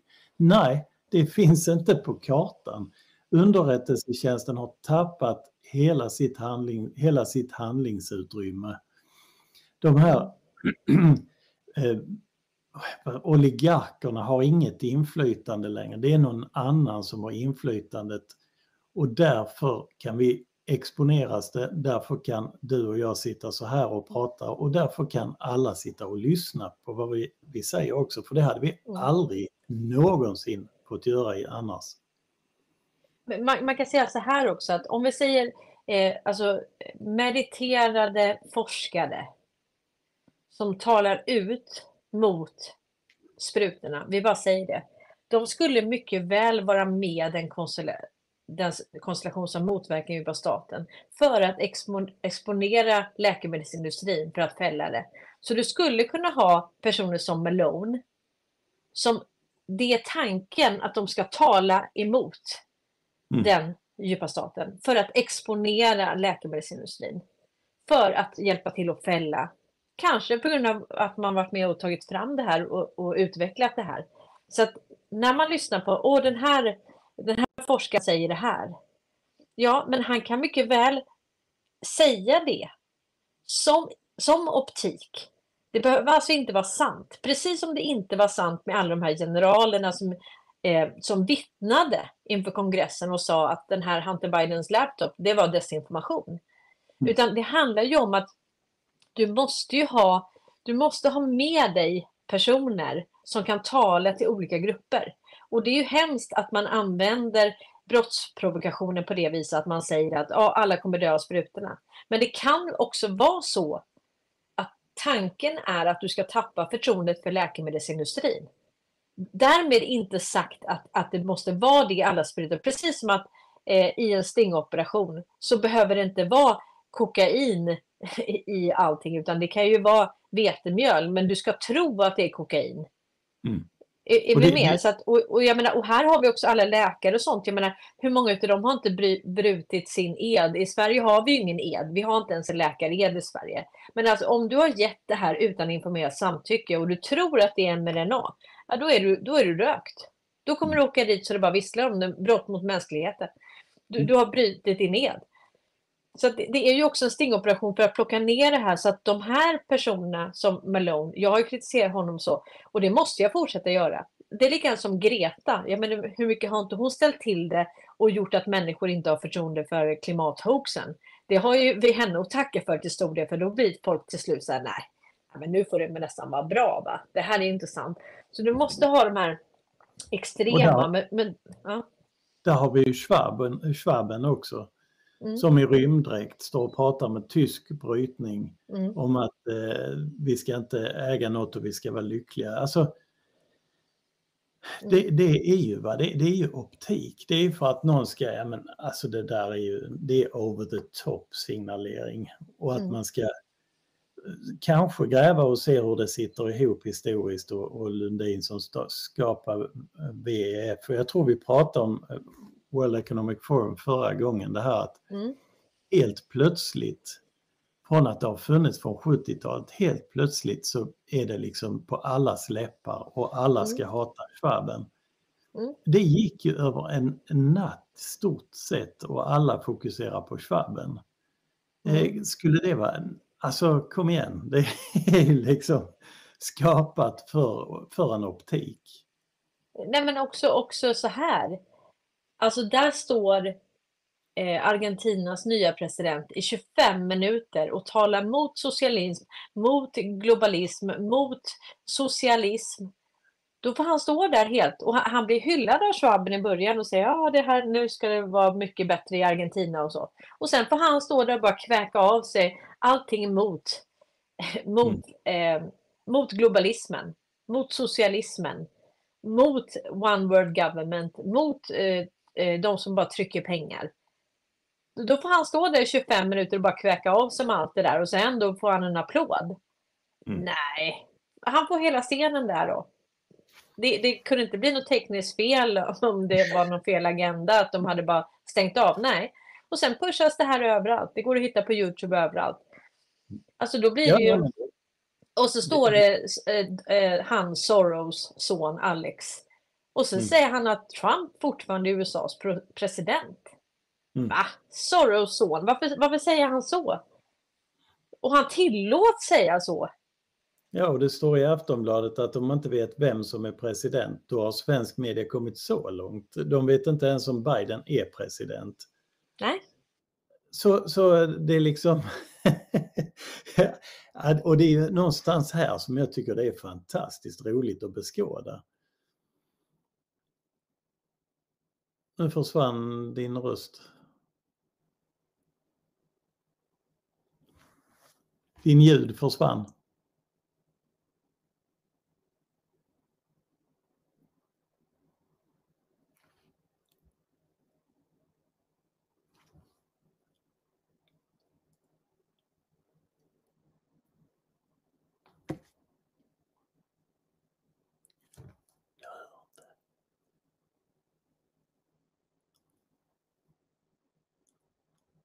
Hallå, inget ljud.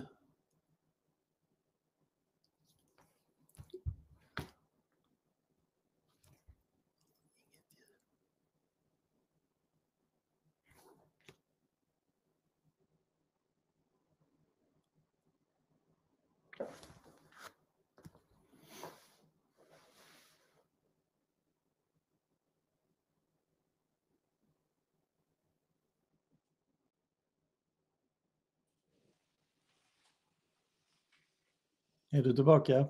Jag är tillbaka. Ja, ljudet försvann. Ja, jag blir nedkopplad här. Ja. Ja, Nej, jag, jag tänkte, du vet, eh, Donald Trump stod ju nu och pratade mot CBDC. Mm. Hörde du det? Ja, Ja, det Och det var väldigt intressant. ja, det har han ju helt rätt i. Mm. Vi ska inte ha någon riksbanks CBDC heller. Jo, det ska vi, men inte i den tappningen som, som han... Inte i Jag menar- privat riksbanks eh, CBDC. Nej. Nej, nej, men man kommer reformera eh, Riksbanken så att säga. Ja, absolut. Men det, det, det, det, är ju den saken som man måste läsa in i det där. Ja, precis. Ja, jo, men precis. Och, och alltså, nu kommer debatten. Det, det är väldigt smart att säga att nu ligger hotet framför oss, så att säga. Nu säger man så här, åh, de kommer bara kunna styra om du får ett bankkonto, de kommer kunna ta dina pengar, de kommer kunna stänga av dig. Jaha, men vad har vi haft då? Vi har ju Mm. haft precis det. Men Ja, det är lättare, istället för att säga att, att du har varit lurad hela tiden, så är det lättare att säga att det här kommer framåt. Mm. Och sen Ja, kan nej, och- Det där är jag ju ett levande bevis på när de stängde av mig för att jag inte eh, gjorde som de, som banken sa. Mm. Vad gjorde du inte då? Jag vägrar fylla i den här eh, blanketten om eh, penningtvätt. Mhm. Och då stängde är- de av. Och det är också så här, du vet, om du ska skaffa ett vanligt bankkonto, då måste du skriva under massa frågor om USA. Och, och det där är också helt konstigt. Alltså hur kan vi, bara för att öppna ett bankkonto i Sverige, så måste vi fylla i massa uppgifter om, om USA. Om vi är skattskyldiga i USA och så vidare. Dollarhanteringen. Mm. Så vet Jo, men han. menar, jag, har inga, jag ska öppna ett eh, SEK-konto så att säga. Jag ska öppna ett Mm. kronor i svenska kronor. Jag kan ju bara hålla svenska kronor på mitt vanliga konto. Men bara för att jag ska öppna det kontot, ett vanligt svenskt bankkonto, som Mm. håller svenska kronor, som bara kan hålla svenska kronor, så måste jag fylla i frågor. Och det där kom ju 2007. Mm. Och det är väldigt intressant. Alltså, det var ju rätt tidigt. Alltså, det här var alltså två år innan kraschen. Ja, just Ja, det. ett, ett och ett halvt. Då kom det att vi skulle fy- fylla i de papperna. 2007 började det. Mm. Och Nej, eh, det... Ja, det är en speciell situation vi, befinner oss i. jo, men jag menar, och- när var det här som du vägrade det här? Oh, det var... När var det då? 20... Vad kan det ha varit? Eh, 2019 kanske? 2018? Alltså du är så, alltså om vi var under belägring då så du tror att det fanns något, något val överhuvudtaget då eller? Ja, jag har fortfarande inte fyllt tiden. Nej men då har du ingen bankkonto heller. Jo, jag tog strid. Jaha, så du fick teckna det utan det? Jajamän. jo, det är sant. Du är inte klok. Jag, jag råkar känna folk på banken. Ja, det är sån vänskapskorruption. Ja. Alltså, ta, bort, ta bort det, annars, eh, annars kan du ta ut alla mina pengar kommer jag förbi och hämta dem. Mm. Alla mina pengar, det låter det. Ja. Ja, det är inte så många, men det är mer än tre. Så, eh, Monica skriver så här, verkligen mycket optik när Argentinas president talade. Eller var Schwammen så klantig att han inte visste eller kunde ana vad presidenten skulle tala om. Nej, det, det tror jag inte. Det, och jag menar, det hade ju lätt kunnat bli tekniskt fel där. Eh, men, men han fick stå och hålla det där talet då, hur som Mm. Ja, men det, Ja. och det är mycket sånt man får tänka på också. Skulle han inte veta, skulle han inte känna till det, vad är sannolikheten för att den och den inte vet det? Alltså det de har ju full koll och borde ju veta det här rakt upp och ner. Alltså, alltså står de och ljuger. Eller spelar ett spel. Jaha. Ja, verkligen. Nej, men eh, Argentinas president, snacka om skådis. Ja, jag får ju verkligen sådana vibbar. Alltså, det här är ju Zelenskyj-vibbar på honom alltså. Ja, och hans polisonger och, och, och han sätter ner glasögonen så här långt ner på näsan. Och, ah, det är vad det är. Men han gör det bra. Johan Lindberg skriver, jag skrev i penningtvättsformuläret att jag behövde kontanter till knark och svartsprit och det gick igenom. Ja, det kanske jag ska göra nästa gång. Ja, men gör det. Det är liksom... eh, ja. Eh, nej, men det är väldigt intressant och, och det där måste man ta. Det, det handlar ju om att exponera. Eh, så att jag menar, exponera digitala pengar eh, så blir det ju, alltså amerikanerna är ju fortfarande inte framme där. Alltså, de tror fortfarande att det är Riksbanken som lånar ut till privata banker som i sin tur kan låna ut det upp till tio gånger. Eh, och jag menar, de, är inte, de har fortfarande inte förstått att det är privata bankerna själva som skapar pengarna. Det, det har Mm. ingenting med Riksbanken att göra, inte i USA heller och inte i något annat land heller. Eh, och de har inte kommit dit helt enkelt. Så att egentligen använder Trump använder CBDC för att egentligen introducera konceptet med hur digitala pengar har använts. Eh, och sen tar man det stegvis. Det är bättre att ta Mm. att någonting ligger, istället för att säga att du har varit lurad så säger man så här, du kan bli lurad framåt. Och sen kommer liksom, drar man av plåstret. Du har blivit Mm. lurad hela tiden.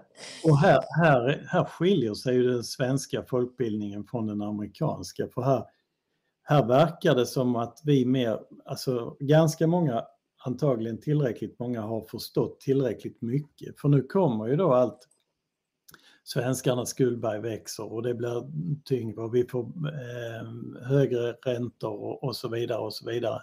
Mm. Och då samtidigt serverar de då att vi ska betala Kristerssons eh, 60-årsfest.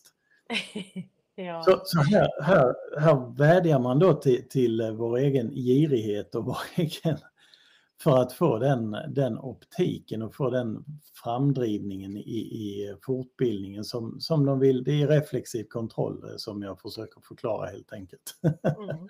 Ja, ja, precis. Nej, men, och den repressiva kontrollen, det är det som handlar om att det går inte heller bara att eh, eh, godkänna ett narrativ. Alltså vi måste ha ett motnarrativ. Det måste vara så här, eh, det här är dåligt, det här är bra, det här är dåligt, det här är bra och sen måste det gå, det, kan, man kan inte bara tillåta en sida. För, för någonstans så är det män, människor som måste bestämma sig för vad de tror och då måste de hamna i en sits till slut att de behöver ta ställning. Att vad, Mm. vad tycker vi om det här? Vad tycker vi om det här? Ehm, och eh, eh, han, Michael Ray Corey delar någonting.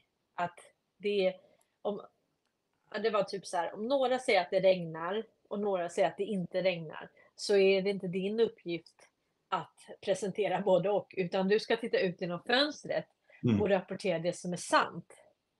Eh, och, och det är, så att jag menar, vi kan ju sitta och bara safea och bara, bara dela alla narrativ.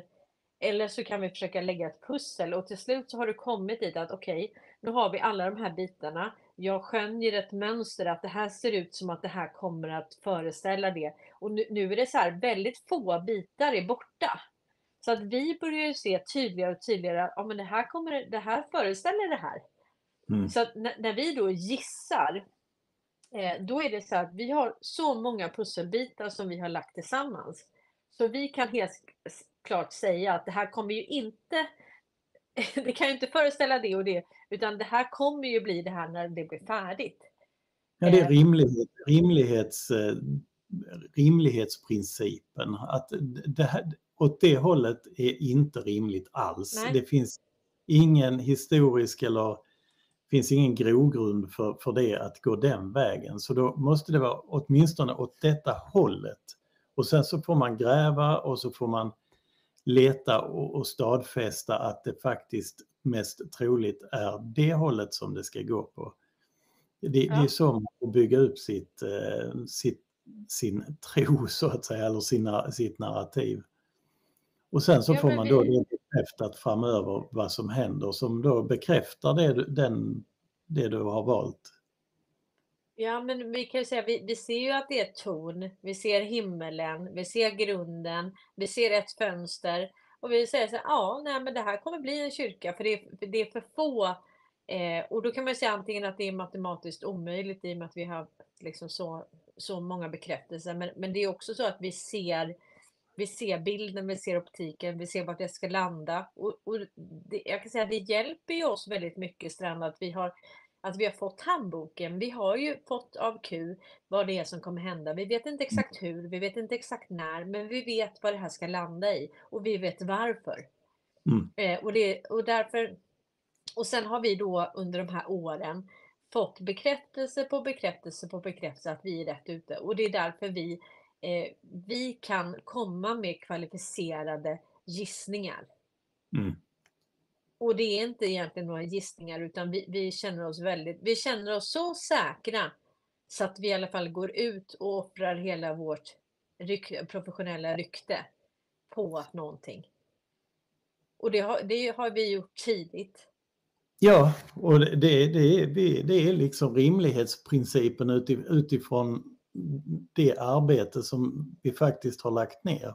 Ja. och, och på den informationen, både historiska och nutida, Ja, rent matematiska och tekniska eh, förutsättningar som, som finns. Och då, då kan man gissa, eller vad, vad vi nu vill kalla det, i Ja. vilken riktning det går. Eller vad ritningen ska föreställa. Det, det är åtminstone ingen häst.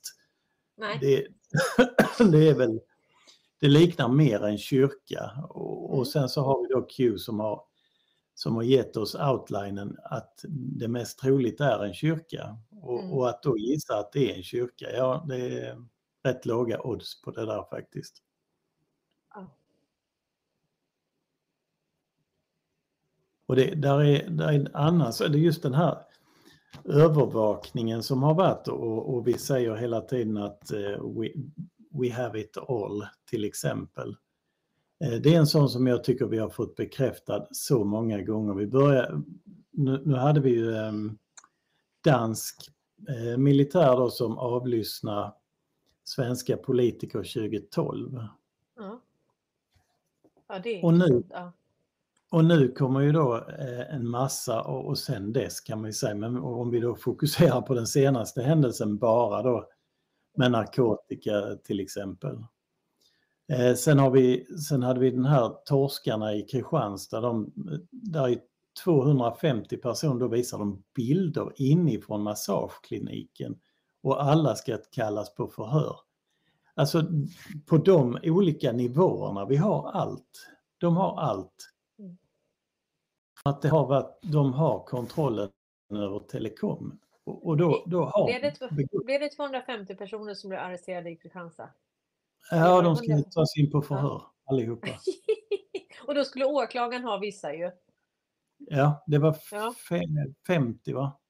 Ja, precis. 50 50 skulle åklagaren ta. Ja. Ja. Det, det kan inte vara den här an, eh, Anom-chatten och Encron-chatten i, i det här. Eller hur, hur har de kommunicerat? Alltså, Det är ingen liten, li, alltså tänk dig hur litet Kristianstad är. Ja, det här, är ju, det här kommer ju från eh, massageklinikens eh, övervakningskamera. Eh, vilket också säger en hel del, alla som har övervakningskameror.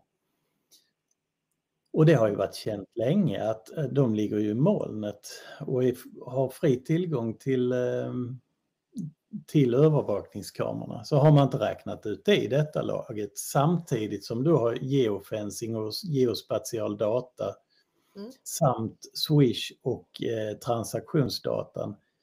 Mm. Skulle de missat någonting då? Nej, det skulle de inte. De vet precis hur du har rört dig med Men övervakningskameror. Kasta ut frysen. För frysen vet jag kan övervaka.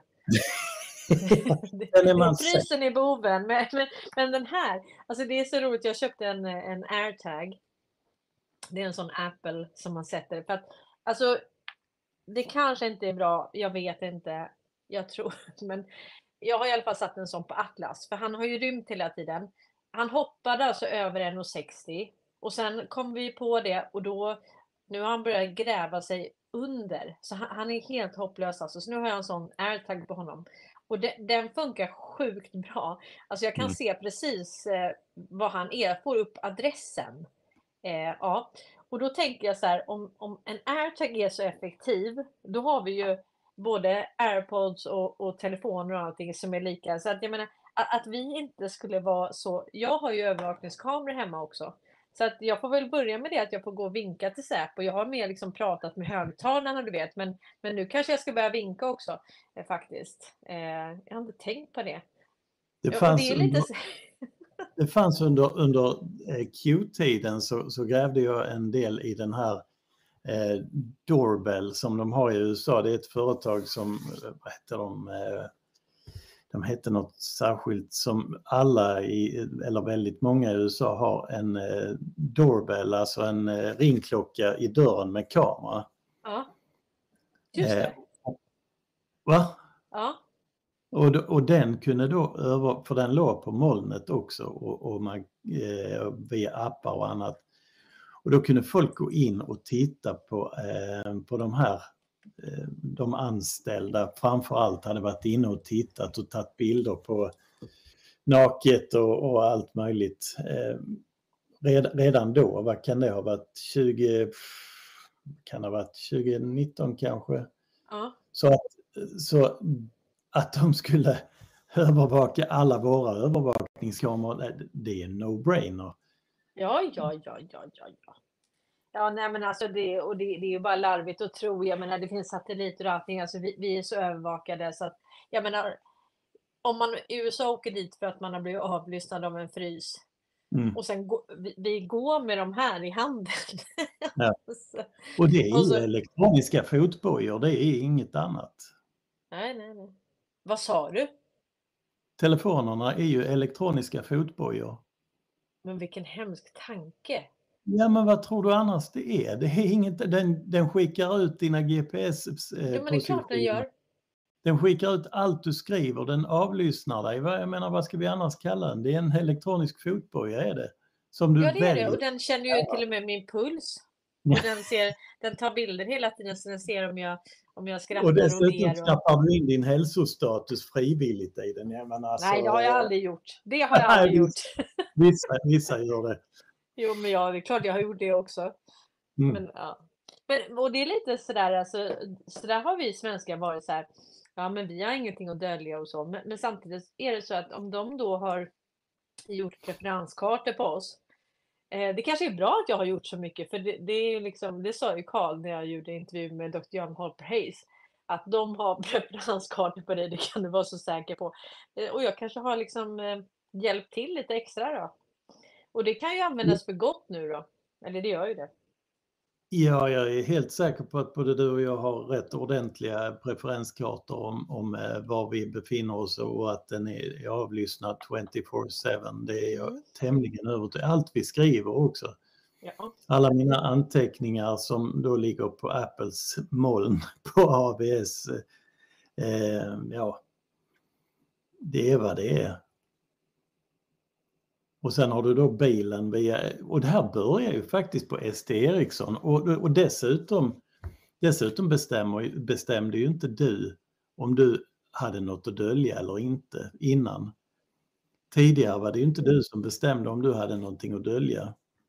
Det Nej, men de du. använder ju det för att, för att skicka annonser på mig och, och sälja. Det, det handlade ju om både kontroll och det handlade om vinstmaximering. Så att jag menar, de har ju Mm. sålt vår data. Så att, De jag kunde menar, ju hitta på att du hade varit, de de hade ju mycket, om du, om du körde genom en mörk skog till exempel och så, hitt, så hittade de på att de hittat ett lik där och så tittade de, jaha, där har Cornelia kört, då är det hon Ja. som är...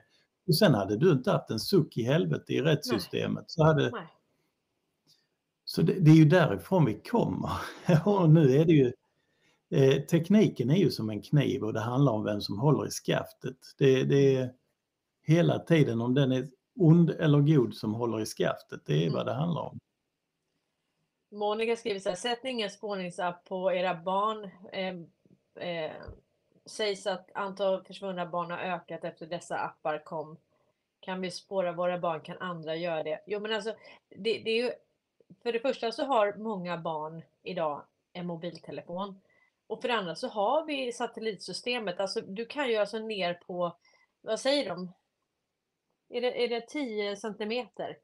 Ja, det var Som- 30 centimeter innan men det är säkert 10 nu eller någonting. Ja. Men alltså de, kan alltså, de har alltså positioner ner på, och de kan avlyssna genom dem också. Så att liksom det, det blir, eh, jag har också tänkt så här, ja, nu tar vi inte med oss telefonerna så går vi ut och pratar hemligheter. Men alltså frågan är vad, vad det inte är täckt liksom. Och och då Men det- tänker man det- på de här filmerna du vet. Eh, som har visats för oss med, med just det. Och, och, det är precis så vi har haft det. Men det, det är ju det, det, är väldigt naivt för man måste alltså de har ju, Ericsson och, och, Clinton Foundation använder ju Ref Unite till exempel för att fjärrstyra in, äh, eh, eh, flyktingkrisen. Eh, äh, man har använt appar och GPSer för eh, sådana här sjukdomstillstånd i Afrika och liknande. CHAI heter, heter det för den som vill eh, söka. Eh, och alla... CHAI. Clinton CHAI, alltså som CHAI-T. Ja, Clinton Health eh, någonting Initiative, CHAI. Eh, och samtidigt ger vi då våra egna barn mobiltelefoner från typ fem års ålder. Eh, då handlar hela tiden om vem som håller i skaftet, hur, mm. hur hårt bladet ska ta. Och det, det är samma som det var någon som skrev, eh, jag tror det var Cozy Pepe som, som skrev, vi, vi, vi förbannar våra politiker för att de knarkar mm. medan vi ger ADHD-medicin till våra barn. Ja. Ja men alltså hur jävla hy mycket hyckleri kan vi, kan vi ens klara utan att, att äh, skämmas? Mm. Ja. ja det... Det, det... är liksom det är hyckleri på en sån nivå så att man äh, ja.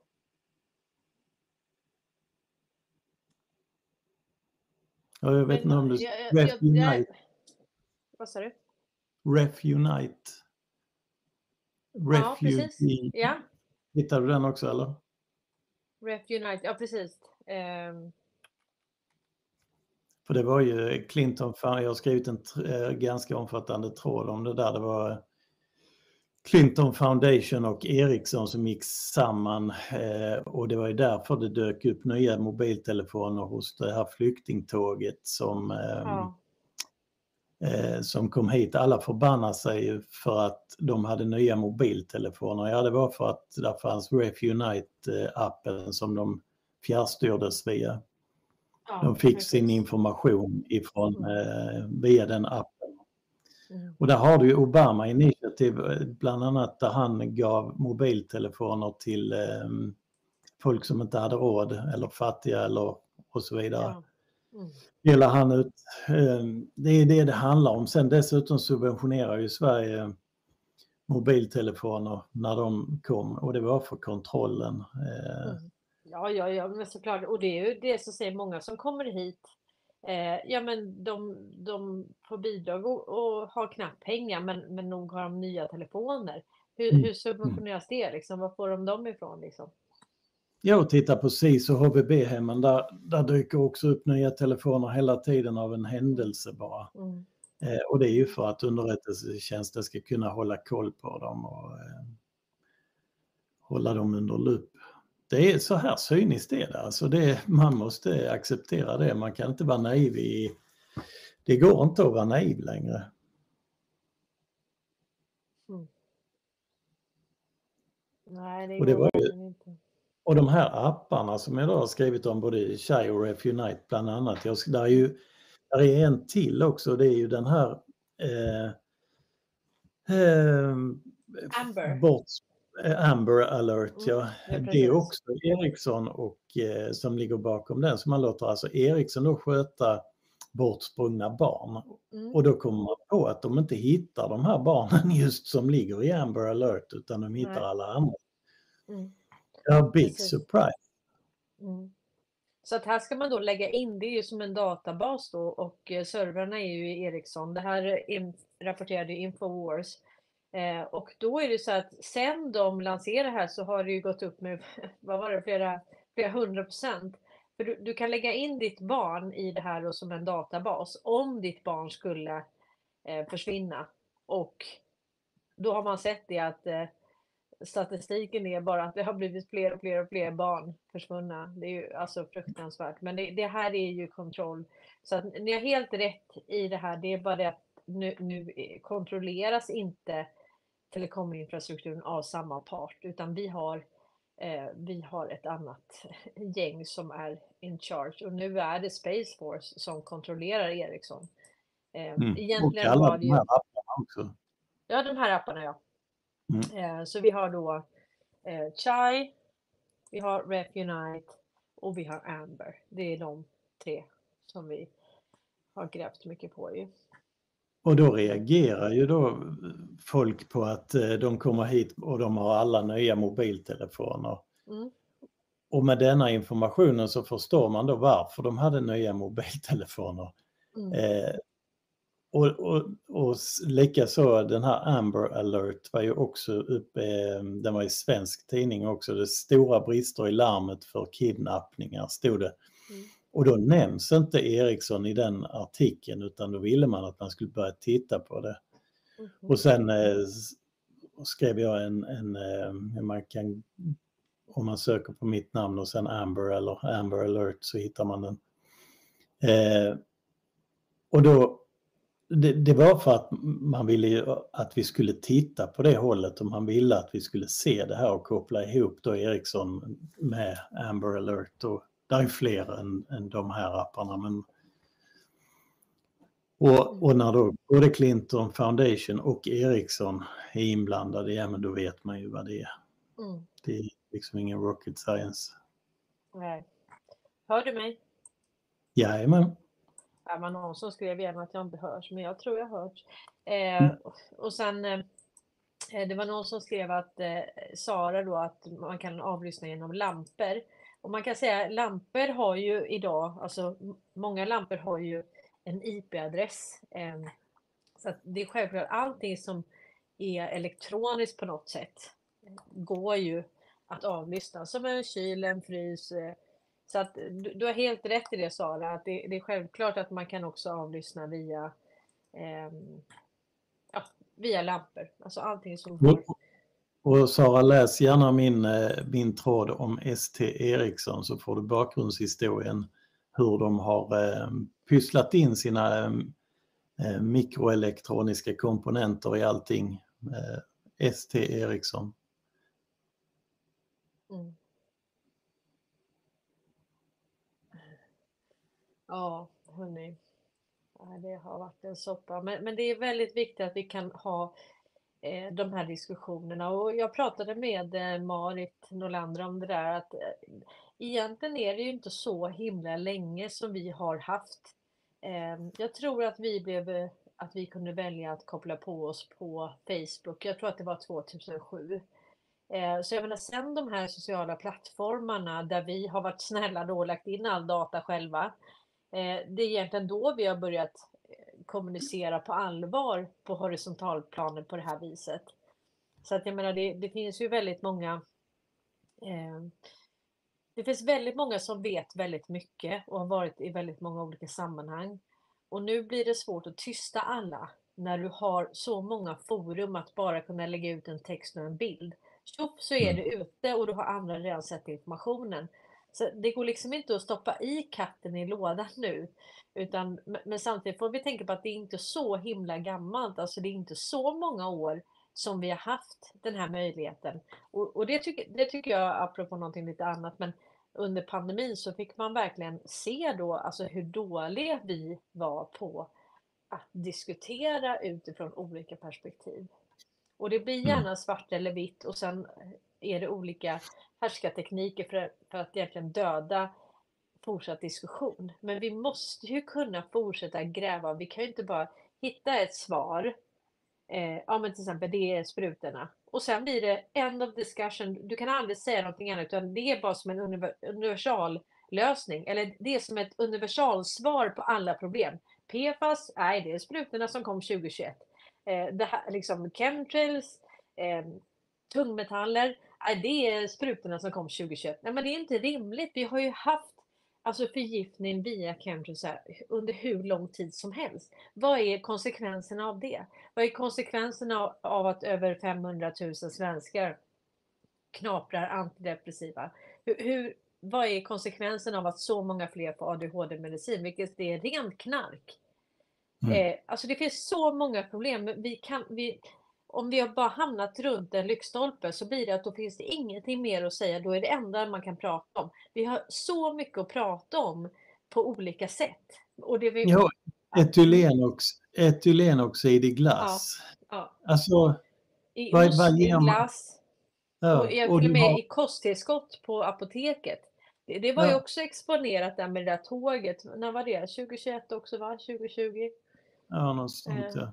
Ja. Och där, och då där var- ser man hur cyniskt jävla ondskefullt detta är. Du går till ICA för att köpa vad vet jag, C-vitaminer eller multivitaminer och så vidare. Mm. Då har någon jävel trattat i etylenoxid så du får cancer. Mm. Hur jävla cyniskt är inte det? Och man kan, de kan inte komma och säga att åh, nej vi visste inte. Ämnet det- är det- förbjudet i hela Europa. Ja, Man kan- man- fluor är en slaggprodukt. De visste inte vad de skulle göra av alla slaggprodukter. Nej. Och det gick ju inte bara att dumpa det hur som helst, PFAS och allting. Så att man har ju då hittat nya användningsområden för det. Och så här har det, det här har ju varit hela tiden. Och allt det där kan direkt härföras bak till IG Farben, det vill säga Wallenberg, det vill säga svenska intressen. Hela jävla vägen.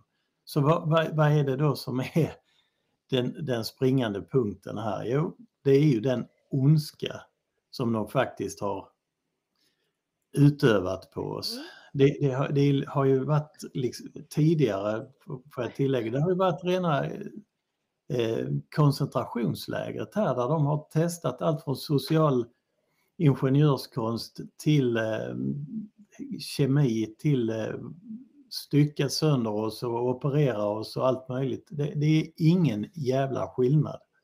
Nej, nej, nej. nej. Och det här är ju liksom, och det, det handlar ju om, men, men det värsta är ju att de drabbas ju, PFAS och sånt, det drabbas de ju själva av liksom. Men, eh, mm. ja, nu är vi inne på el, elmätarna. Eh, ja, vad sa du? De, Ja, fluor i vattnet det är också en sån grej. ja. Ja, men nu, nu kom det ju fram då att, att det, det renas ju på till exempel reningsverket i Uppsala med aktivt kol. Mm. Mm. Är, är det då orimligt att man renar våra sjöar och vår jord med aktivt kol, kalk och så vidare? Nej, det är inte ett dugg orimligt. Så att... ehm, mm. Precis, sa då var det elmät? förbjudet i Skidvalla, ja. Men borsta tänderna går bra. Mm. Mm. Vad sa du om, eh, om elmätare? Ja, vi kan väl ta kort om det. Jag får mycket frågor om det. Vi har ju, det finns en episod som vi pratar om det ehm, och eh, vi har pratat om det i Space och, och sådär. Ja, du pratade om det i Space. Det, ligger, det, det var både en, eh, en live och sen var det ett eftersnack som Mm. vi berörde väldigt mycket om smartmätare. Men om vi tar den korta varianten då. Strand. Ja, återigen då hamnar vi i frågan vad de har gjort, hur de har gjort tidigare. Hur vet man när man har fått en kilowatt, en terawatt, en megawatt? Hur vet man det? Det vet man ju naturligtvis inte. Nej. Och sen, sen har du ju den, fak- det faktum då att om de har gjort preferenskartor på folk Mm. så, så kan de ju också justera utif- efter alltså elbehovet och annat utifrån den preferenskartan. Mm. Eh, och sen, sen får var och, var och en växla, växla möjligheterna med det så att säga. Men det behöver inte vara ondskefullt utan det hänger hela tiden på vem håller i skaftet på kniven. Mm.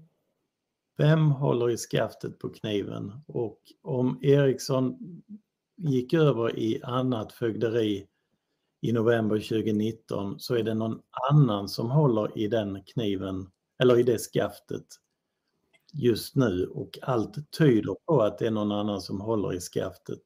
Eh, och då är, behöver det inte nödvändigtvis vara något eh, schwabiskt eller ondskefullt eller negativt. Nej, alltså det, det kan ju också vara då, eh, jag menar, att det kommer nya sätt, alltså nya elkällor. Och eh, ja, det blir ju som en, en sändare, alltså man har ju gjort det här då för de som har eh, solenergi, Mm. solceller. Och då handlar det om att du kan, eh, ja alltså det, det blir ju som, du har ditt kretslopp in i ditt hus och sen skjuter du ut över, över alltså det som du inte använder. Så överproduktionen som du inte behöver nyttja själv i ditt eget hus, det skickas ut på nätet som är det gemensamma.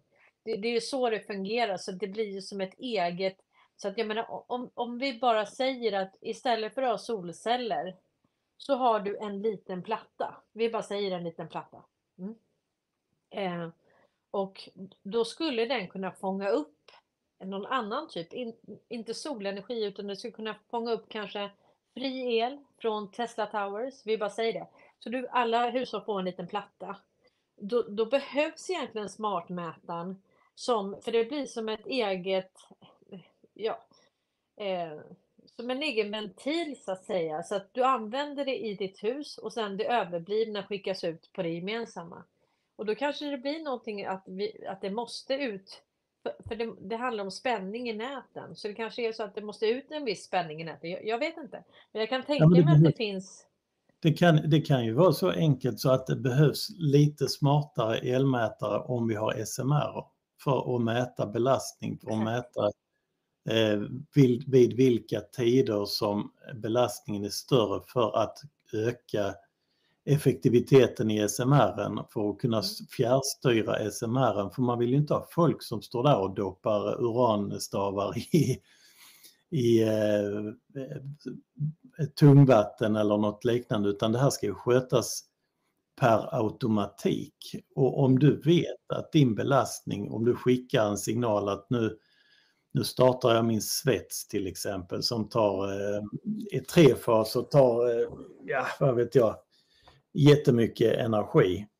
Mm. Ja men då måste jag skicka information först att den är startad för att lastbalansera mellan andra hushåll kanske jag får plocka från någon annan plus att SMR måste varva upp eller eh, öka, öka kraften om det är många. Nu, nu tror jag inte min svets gör, gör, större skillnad. Men om det är tusen svetsar eller det är åtta tryckpressar eller eh, mm. Eh, saker som tar väldigt mycket kraft eh, mm. så, så, måste det liksom finnas den feedbacken tillbaka till SMR att nu ökar volymen, nu ökar spänningen, nu får jag göra si eller så. Mm. För de här är ju, de här SMR ska ju sköta sig själv. Där ska ju inte vara någon Förklara som... nu vad det är också. Eh, det är små eh, sådana här kärnkraftverk, mm, stora exakt. som en 12-fots container ungefär. Mm. Och väger ungefär 350 till 400 ton och vi har haft sådana på vägarna här om man eh, är uppmärksam. Hela ekipaget vägde 700 ton eh, men det är med lastbil och eh, lastväxlare och den här SMR eller de kallar den något annat, de kallar den transformator kallar de det. Mm. och den vägde 390 ton tror jag, vilket mm. stämmer ganska bra överens med en SMR. Den var skitatung. Mm. Ja, små modulära reaktorer, ja precis. Och det, det, kan komma sånt. Sen har vi då sett, eh, jag hittar fortfarande inte den där videon, det, det, är en video med Tesla Towers och sen är det som lite, det ser ut ungefär som de här 5G-masterna. Eh, som plockar upp det. De blir sändare och mottagare, transmittorer i det här. Så att säga, så att är det så att de håller på och bygger upp ett helt nytt nätverk och då är det så att det här ska vara helt färdigt 2025. Mm. Så att jag menar, det är inte så långt fram i tiden och det var ju därför det var så bråttom. Jag har inte bytt min smartmätare än, jag har varit lite motvalls, men, men 2025 så ska det vara helt färdigt. Så då, då ska det här vara påkopplat så att säga. Den nya. Men, men för, för få perspektivet om vi tittar i andra, andra hållet då, om, om inte patrioterna hade kontrollerat den här utvecklingen, om, om vi säger den andra eh, händelseutvecklingen som vi var inne i, då hade ju kärnkraften lagts, kärnkraftverken lagts ner. Ja. Vi hade fått förlita oss till solenergi och till eh, vindkraft, Vindkraft. Som, som är urjävla usel. Eh, Ja. Vi hade fått, vi hade fått eh, lita på en del som har satt upp eh, solceller på taket som då skulle sälja det dyrt till oss andra. Mm. Där har du girigheten som kommer in. Och de satt och applåderade när elpriset var svinhögt. Mm. Då satt de och applåderade hur mycket pengar de tjänar på oss andra. Eh, det hade ju bara minskat och, en, en kall vindstilla dag till exempel. Tror du att folk hade haft ström till sina värme då? Nej, då hade... Så man måste titta i andra riktningen också Mm. för hur de hade tänkt driva igenom det här om de inte någon hade kastat in en skiftnyckel i, i växellådan för dem. Mm. Ja. Men nu har, nu har vi alltså troligtvis, säger jag, mest troligt har vi eh, tre, mellan tre och fem SMR i Sverige som backar upp eh, energin eller transformatorer. Ja, ja, precis. Så att det är, och antingen kan man välja att tro att allting går till det sämre och att allting är... Eh, men som sagt, det, det är ingenting som tyder på att den djupa staten har kontrollen. Det är inte det. Ingenting. Och jag menar, man, man har alltså hållit tillbaka tillgången på el, man har sålt det dyrt, det har köpts dagen innan på en elbörs, Nordpol, och det, är, det, det där är alltså ett bedrägeri från början till slut. Så att, att det kommer någonting nytt, det, det är ju positivt. Det kan ju inte bli sämre än det vi haft i alla fall. Det är ju helt omöjligt. Omöjligt. Ja, Det är helt faktiskt omöjligt. Det är helt omöjligt. Alltså, jag vill inte ha kvar det här rättssystemet. Så kommer det nya lagar så välkomnar jag det.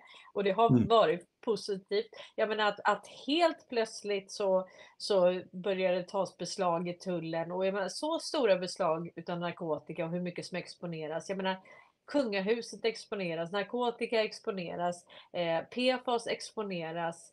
Det, nu är det bara exponerings och, och då kan man tänka att, att, det, att det kommer nu. Eller så kan man tänka att det här exponeras nu för att det är någonting som vi har haft innan. Men de har inte sagt det. Och istället för att hela tiden säga att det här har ni haft, det här har ni haft, det här har ni haft. Så väljer de eh, en annan strategi. Och det är att liksom lägga det framåt i tiden. Men det kommer ju också saker att vi får reda på att saker har skett bakåt i tiden. Men man kan, alltså folk det, det finns en gräns för vad människor klarar av att ta emot. Det, det, det måste vara en viss takt på det här, för ann- annars klappar människor ihop. Alltså.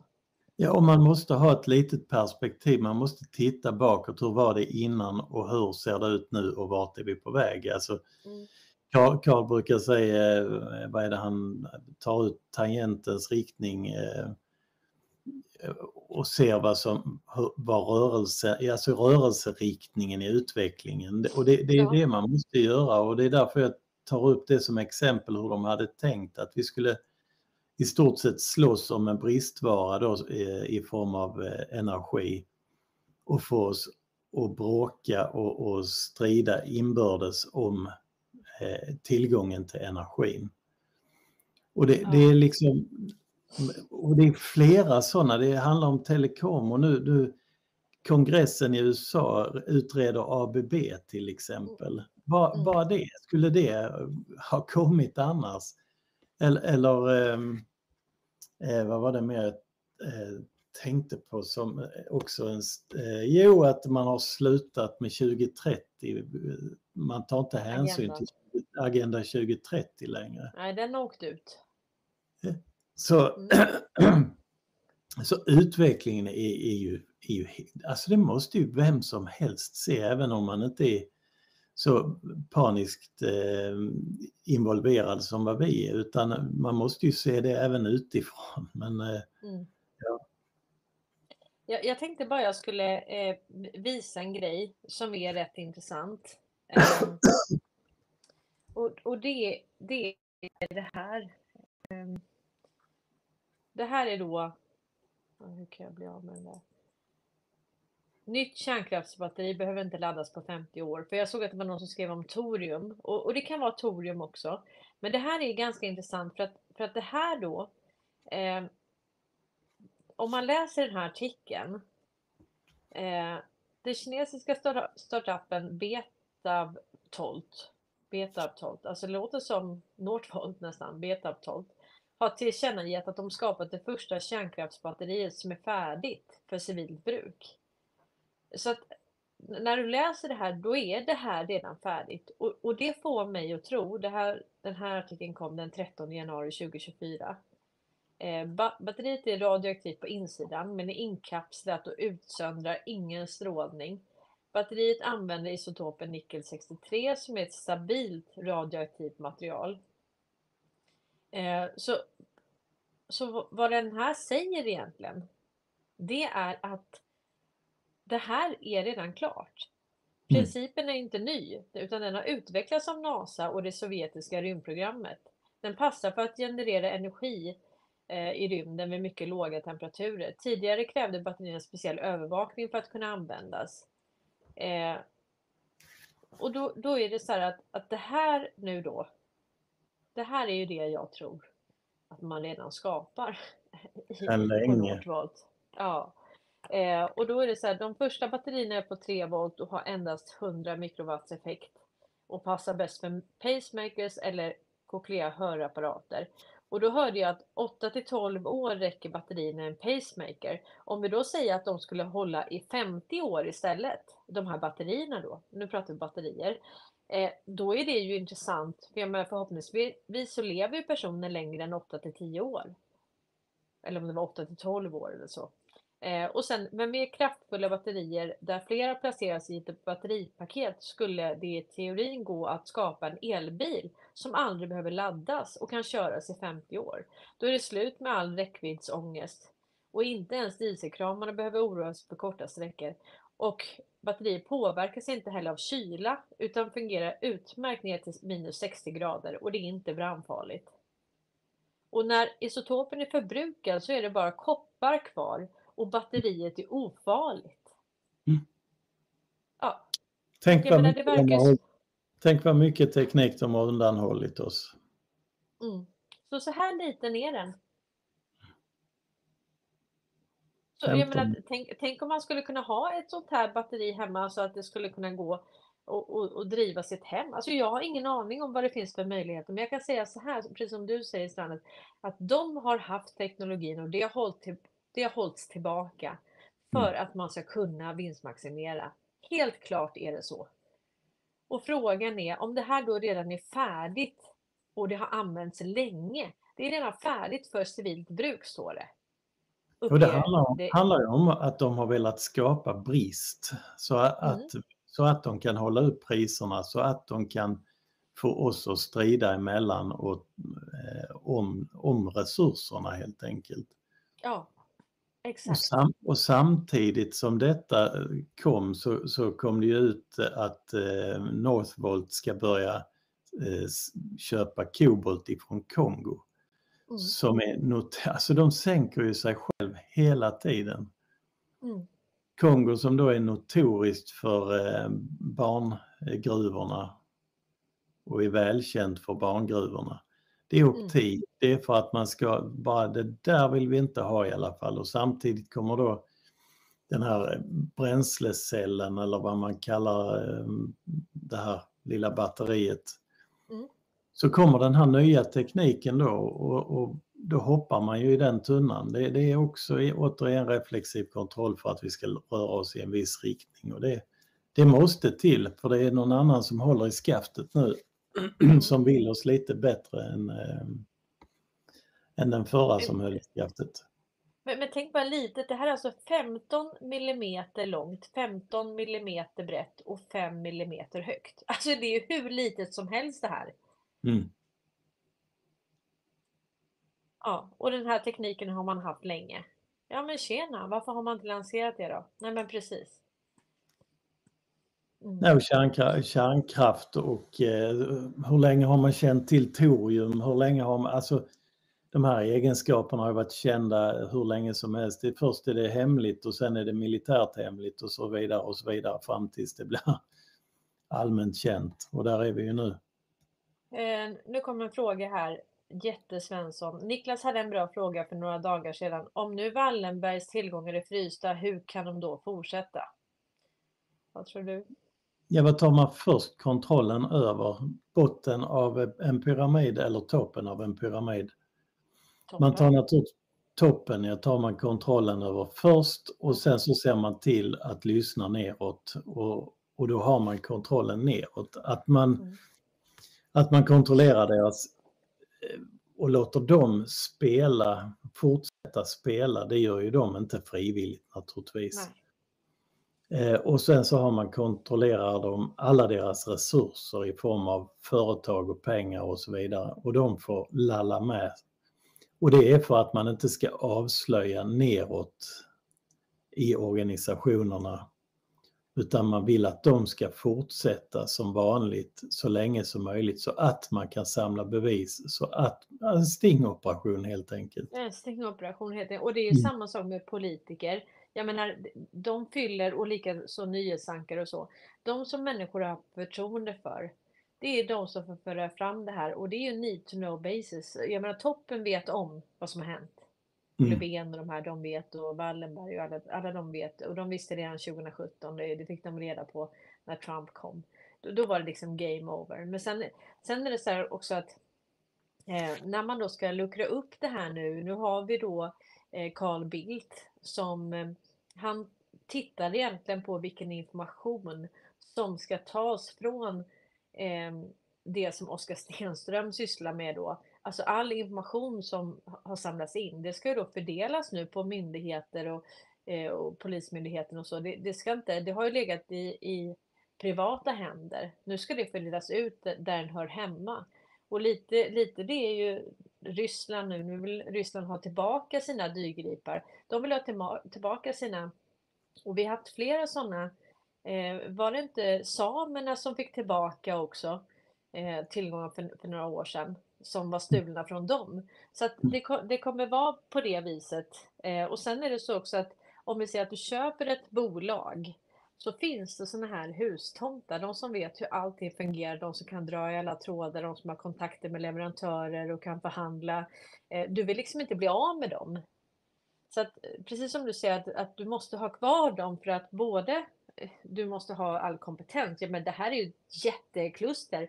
Alltså hela Ericsson sitter ju ihop med mm. hela, hela liksom kraftförsörjningen, hela det finansiella systemet globalt. Du kan liksom inte bara göra av med dem om du stöter på patrull. Alltså det är ändå de som byggt upp det. Det är deras patent som allting bygger på. Du kan inte göra av med hustomten. Det är, det är den sista.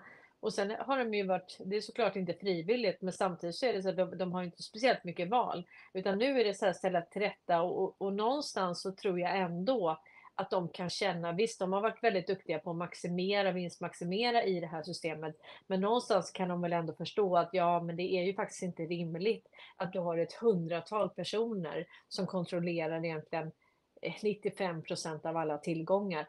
Alltså någonstans här kan jag ändå tro att de, för de har ju barn och barnbarn och generationer och så. Någonstans kan de säga så här, okej, okay, vi, vi, eh, om vi säger så här, vi spelade Monopol och det slutade med att de hade alla gatorna. Men ändå så kan de förstå att ja, men det, är inte så, det är inte så kul att spela det här om ni sitter på alla gatorna. Och det är någonstans så tror jag ändå att de kan förstå det att nej, det här blev nog inte så bra. Det... Alltså, är, är du med på vad jag tänker? Ja, och här, här är ju också de här eh, hustomtarna har, som har haft överblicken av alltihopa, de är inte så många. Sen har du då silo management neråt eh, neråt i organisationerna där man har, där man har kört silo management för, för att inte alla fler ska förstå hur det sitter ihop. Ända ner på individnivå så har man då kört silo management så de har bara vetat sin del och inte kunnat se helheten. Eh, och det har ju genomsyrat precis hela, hela Sverige. Och jag skrev eh, en tråd här om axelväxeln och jag har fått kontakt med en vars eh, farbror har gått bort nu och hans, alla hans video och eh, dokument är på väg till mig på posten eh, ifrån, mm. inifrån Ericsson och den axeutvecklingen. Eh, så har jag fått bilder och lite annat.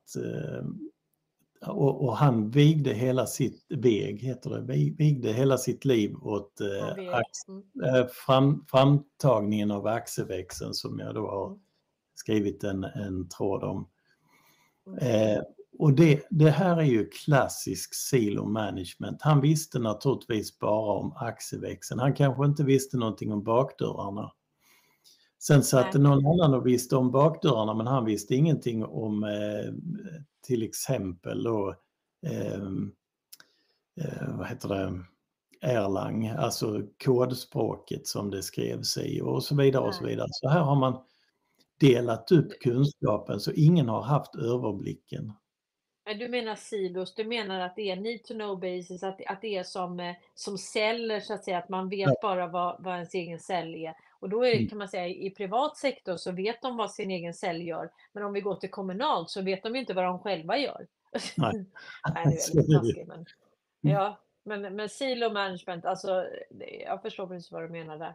Eh, nu skriver Maria så här att eh, han som eh, intervjuades och, och berättade om Looking Glass, han har även berättat om ett batteri som är stort som en skokartong som kan försörja en hel stad med energi. Ja, det, är, mm. det är jätteintressant det här. Alltså det, jag tror att det är, men jag tror att smartmätarna då fyller en väldigt, alltså det är en förutsättning för det här för att då blir, då blir det som ett eget, eh, eh, eh vad, vad ska jag säga, det blir som ett eget du ramar in ditt hus så att säga och sen kan du då stänga ut det mot, eh, mot nätet vad ska man säga, det blir som ett eget, eh, som en egen enhet. Ett eget kluster. Ja precis, det blir som ett eget kluster och så säger man så här mycket behöver jag nu, nu behöver jag och sen skickar man ut resten. Så att mm. istället för att det är bara helt öppet och det bara kan skjutas på hur som helst, du kan inte kolla på har jag verkligen förbrukat så här mycket? Så kan du stänga av, alltså du blir som självförsörjande på ett vis. Eh, och som det är nu så är det så att om vi säger att du har det och du har solceller och så, så är det så att skulle det bli strömavbrott i staden så kan du inte, du kan inte fortsätta köra solenergin. För, för du kan inte, och egentligen är det där helt fel, för du, du kan ju stänga av dig mot nätet, så egentligen borde du kunna göra det. Nu stänger vi av här och så kör jag solenergi då, fast det andra ligger nere. Men så, så fungerar det inte då, du får inte göra det. Utan du får inte köra, utan då säger de att det kan bli bakspänning på nätet. Men, men det där tror inte jag egentligen att, att det är så. Jag tror inte det kommer bli så i framtiden. Det gör också att, att då behöver ju inte hushållen behöver ju inte få strömavbrott bara för att det är någonting med nätet, utan det blir som en egen eh, självförsörjande enhet så att säga, men som en del av hela nätet. Så tror jag i alla fall. Mm. Ja, men det är jätteintressant. Mm. Tyvärr så är största delen av folk inte redo för gratis energi än. Jag, jag vet inte.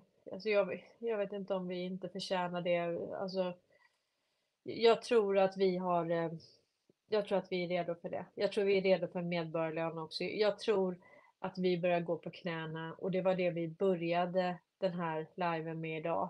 Om alltså hur man går, medelklassen går och pantar smycken och så för att klara av månaden. Så att Ehm, jag tror att vi är jätteredo. Jag tror att vi är jättefärdiga med det här och vi har kommit fram till det på olika, eh, olika sätt såklart. Men jag tror att vi som kollektiv är, är färdiga och då finns vi många här som, är, som finns där så att när de tänker någonting så, så, kan vi ändå förklara hur det har varit, hur vi hamnade här, vart vi ska och varför och hur, hur det kan vara positivt så att säga. Um, så att vi, vi finns här för varandra och det är vi tillsammans som utgör den här förändringen. Och människor mår dåligt så att det vi gör är så otroligt viktigt i det här. Och eh, det är inte nu, det är inte nu vi ska backa, utan det är nu vi i kärlek ska fortsätta hjälpa varandra att förstå vad det är som händer och varför. Mm. Och jag, jag, vi... Får bara tillägga också en liten, en liten passus för även, även om vi tycker att vi har det jobbigt när vi har svårt att betala räkningar så finns det de som har det värre. Eh, om, ni, om ni ser uteliggare eller andra, det är de som får ta den värsta smällen.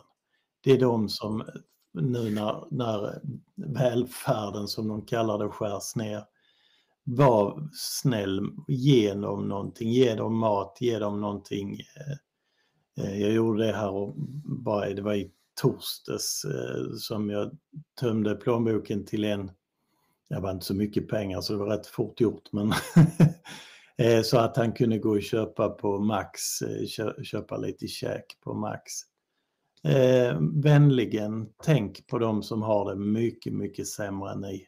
Eh, snälla. Alltså jag och min gubbe, det var förra året, då såg vi en och han hade verkligen ingenting så att vi, vi handlade till honom, vi skulle ändå handla då. Eh, och sen åkte vi och försökte hitta honom igen men vi, vi hittade honom inte. Så vi hade köpt liksom en, en påse till honom. Mm. han gick och letade där liksom och det var ju kallt ute, det var förra vintern.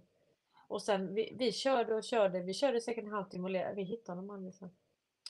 Och det var ju så himla synd då, men ja. Nej, han stod, ett sånt köpcentra stod han eh, och, och gick in och, och letade muggar och annat och, och matrester och annat och jag kan inte se en annan människa gå och plocka matrester eh, när man själv har tryckt i sig en hamburgare. Det, det kan jag göra. Eh, och om det är 50 eller 100 spänn, det, mm. det kan jag både ha och vara utan. Så vänligen tänk på de som har det mycket, mycket sämre än du. Man kan baka till dem också, man kan liksom, mm. alltså, dela med sig. Men äh, ja, Nej, men du, stort tack för idag. Eh, vet att Spotify tog ner vår episod 6? Yes. Jag vet inte, vad, vad var det vi sa som var så känsligt så Spotify tar ner hela avsnittet? Oj, eh, det kommer jag inte ihåg. Nej, men, men det tyckte jag de har bara tagit, det är tredje avsnittet de tar ner nu men, men det var dig och mig, episod 6. Eh, den gillade inte Spotify av någon anledning. det är bra. Ja, ja, så är det. Ja, men du, eh, trevlig kväll på er allihopa så får vi synas och höras. Eh, jag, eh, jag kommer inte köra live imorgon för jag ska faktiskt köra på engelska imorgon. Jag måste börja med det nu. Men jag mm. är tillbaka på, om det går att lyssna på min engelska. Eh, eller svengelska eller vad det nu blir. Men eh, imorgon kommer jag köra det. Eh, och eh, jag är tillbaka på tisdag 17.17. 17. Men som sagt, eh, och sen har jag då, jag har ju en tjej som hjälper mig att göra eh, engelsk undertext och så. Och hon har varit så himla effektiv här. Så hon har skickat typ 15 färdiga, eh, ja nästan 10-15 sådana här TikTok-videos som hon har lagt eh, engelsk undertext på. Så jag måste ju börja publicera allt det här. Så jag har, jag har så mycket administrativt att göra nu. Men det är så fantastiskt. Eh, alltså hon bara jobbar på. Och så bara skickar hon, bara matar på som ett med ja, engelsk undertext. Då. Och du och jag kanske också ska köra engelska någon gång så att eh, Lian the eh, learner också eh, får höra oss. Precis, vi kanske gör det nästa, eh, nästa söndag. Vi får väl se lite, vi får prata du och jag Strand. Mm. Men som sagt, det, det, är så att, att det vi har att komma med nu eh, börjar bli väldigt, väldigt, väldigt viktigt för omvärlden. Och eh, eh, det är viktigt också att, att det som vi har ställt till med, inte vi, men svenskar, ett fåtal svenskar. Det som ett fåtal svenskar har ställt till med, det vill vi gärna berätta själva. Vi vill inte att de ska få den nya, utan vi vill, de ska ändå kunna säga, ja men det var Sverige, men det fanns svenskar som stod upp och de har sagt det här. Och de har funnits i space och de har funnits överallt. Så på något vis så måste det vara vi som släpper bomben och att vi tar vårt ansvar. För att det, det är allvarligt alltså, det, det Sverige har. Ehm, och då, vi pratar både svenska företag och svenska regeringen alltså. Det, det mm. här är ihop med svenska staten. Det är de som har möjliggjort väldigt mycket, både kungahuset, svenska staten och det är maskopi alltså eh, mellan då privat, men, eh, privata företag, svenska staten och det svenska kungahuset. De alltså, i symbios har ju varit, ja, och vi, vi pratar alltså eh, anstiftan till världskrig, vi Mm. pratar anstiftan till, till eh, krig och, vi och pratar folkmord, vi pratar brott mot mänskligheten, vi pratar alltså som du säger landsflykt, vi pratar krig, alltså det, eh, det är allvarliga grejer, alltså det är det allvarligaste du kan tänka dig, det, det är det som är. Och då måste vi stå komma ut med det också. Så eh, mycket gärna om du eh, är okej så kan vi köra lite engelska nästa gång. Ja men det gör vi. Vi bestämmer det. Ja, går. tack till, eh, till alla som har lyssnat. Ja, tack så mycket. Ha det gott nu allihopa så ses vi imorgon på engelska och på tisdag på svenska klockan 17.17. Ha det riktigt gott nu allihopa och ha en fin vecka som kommer.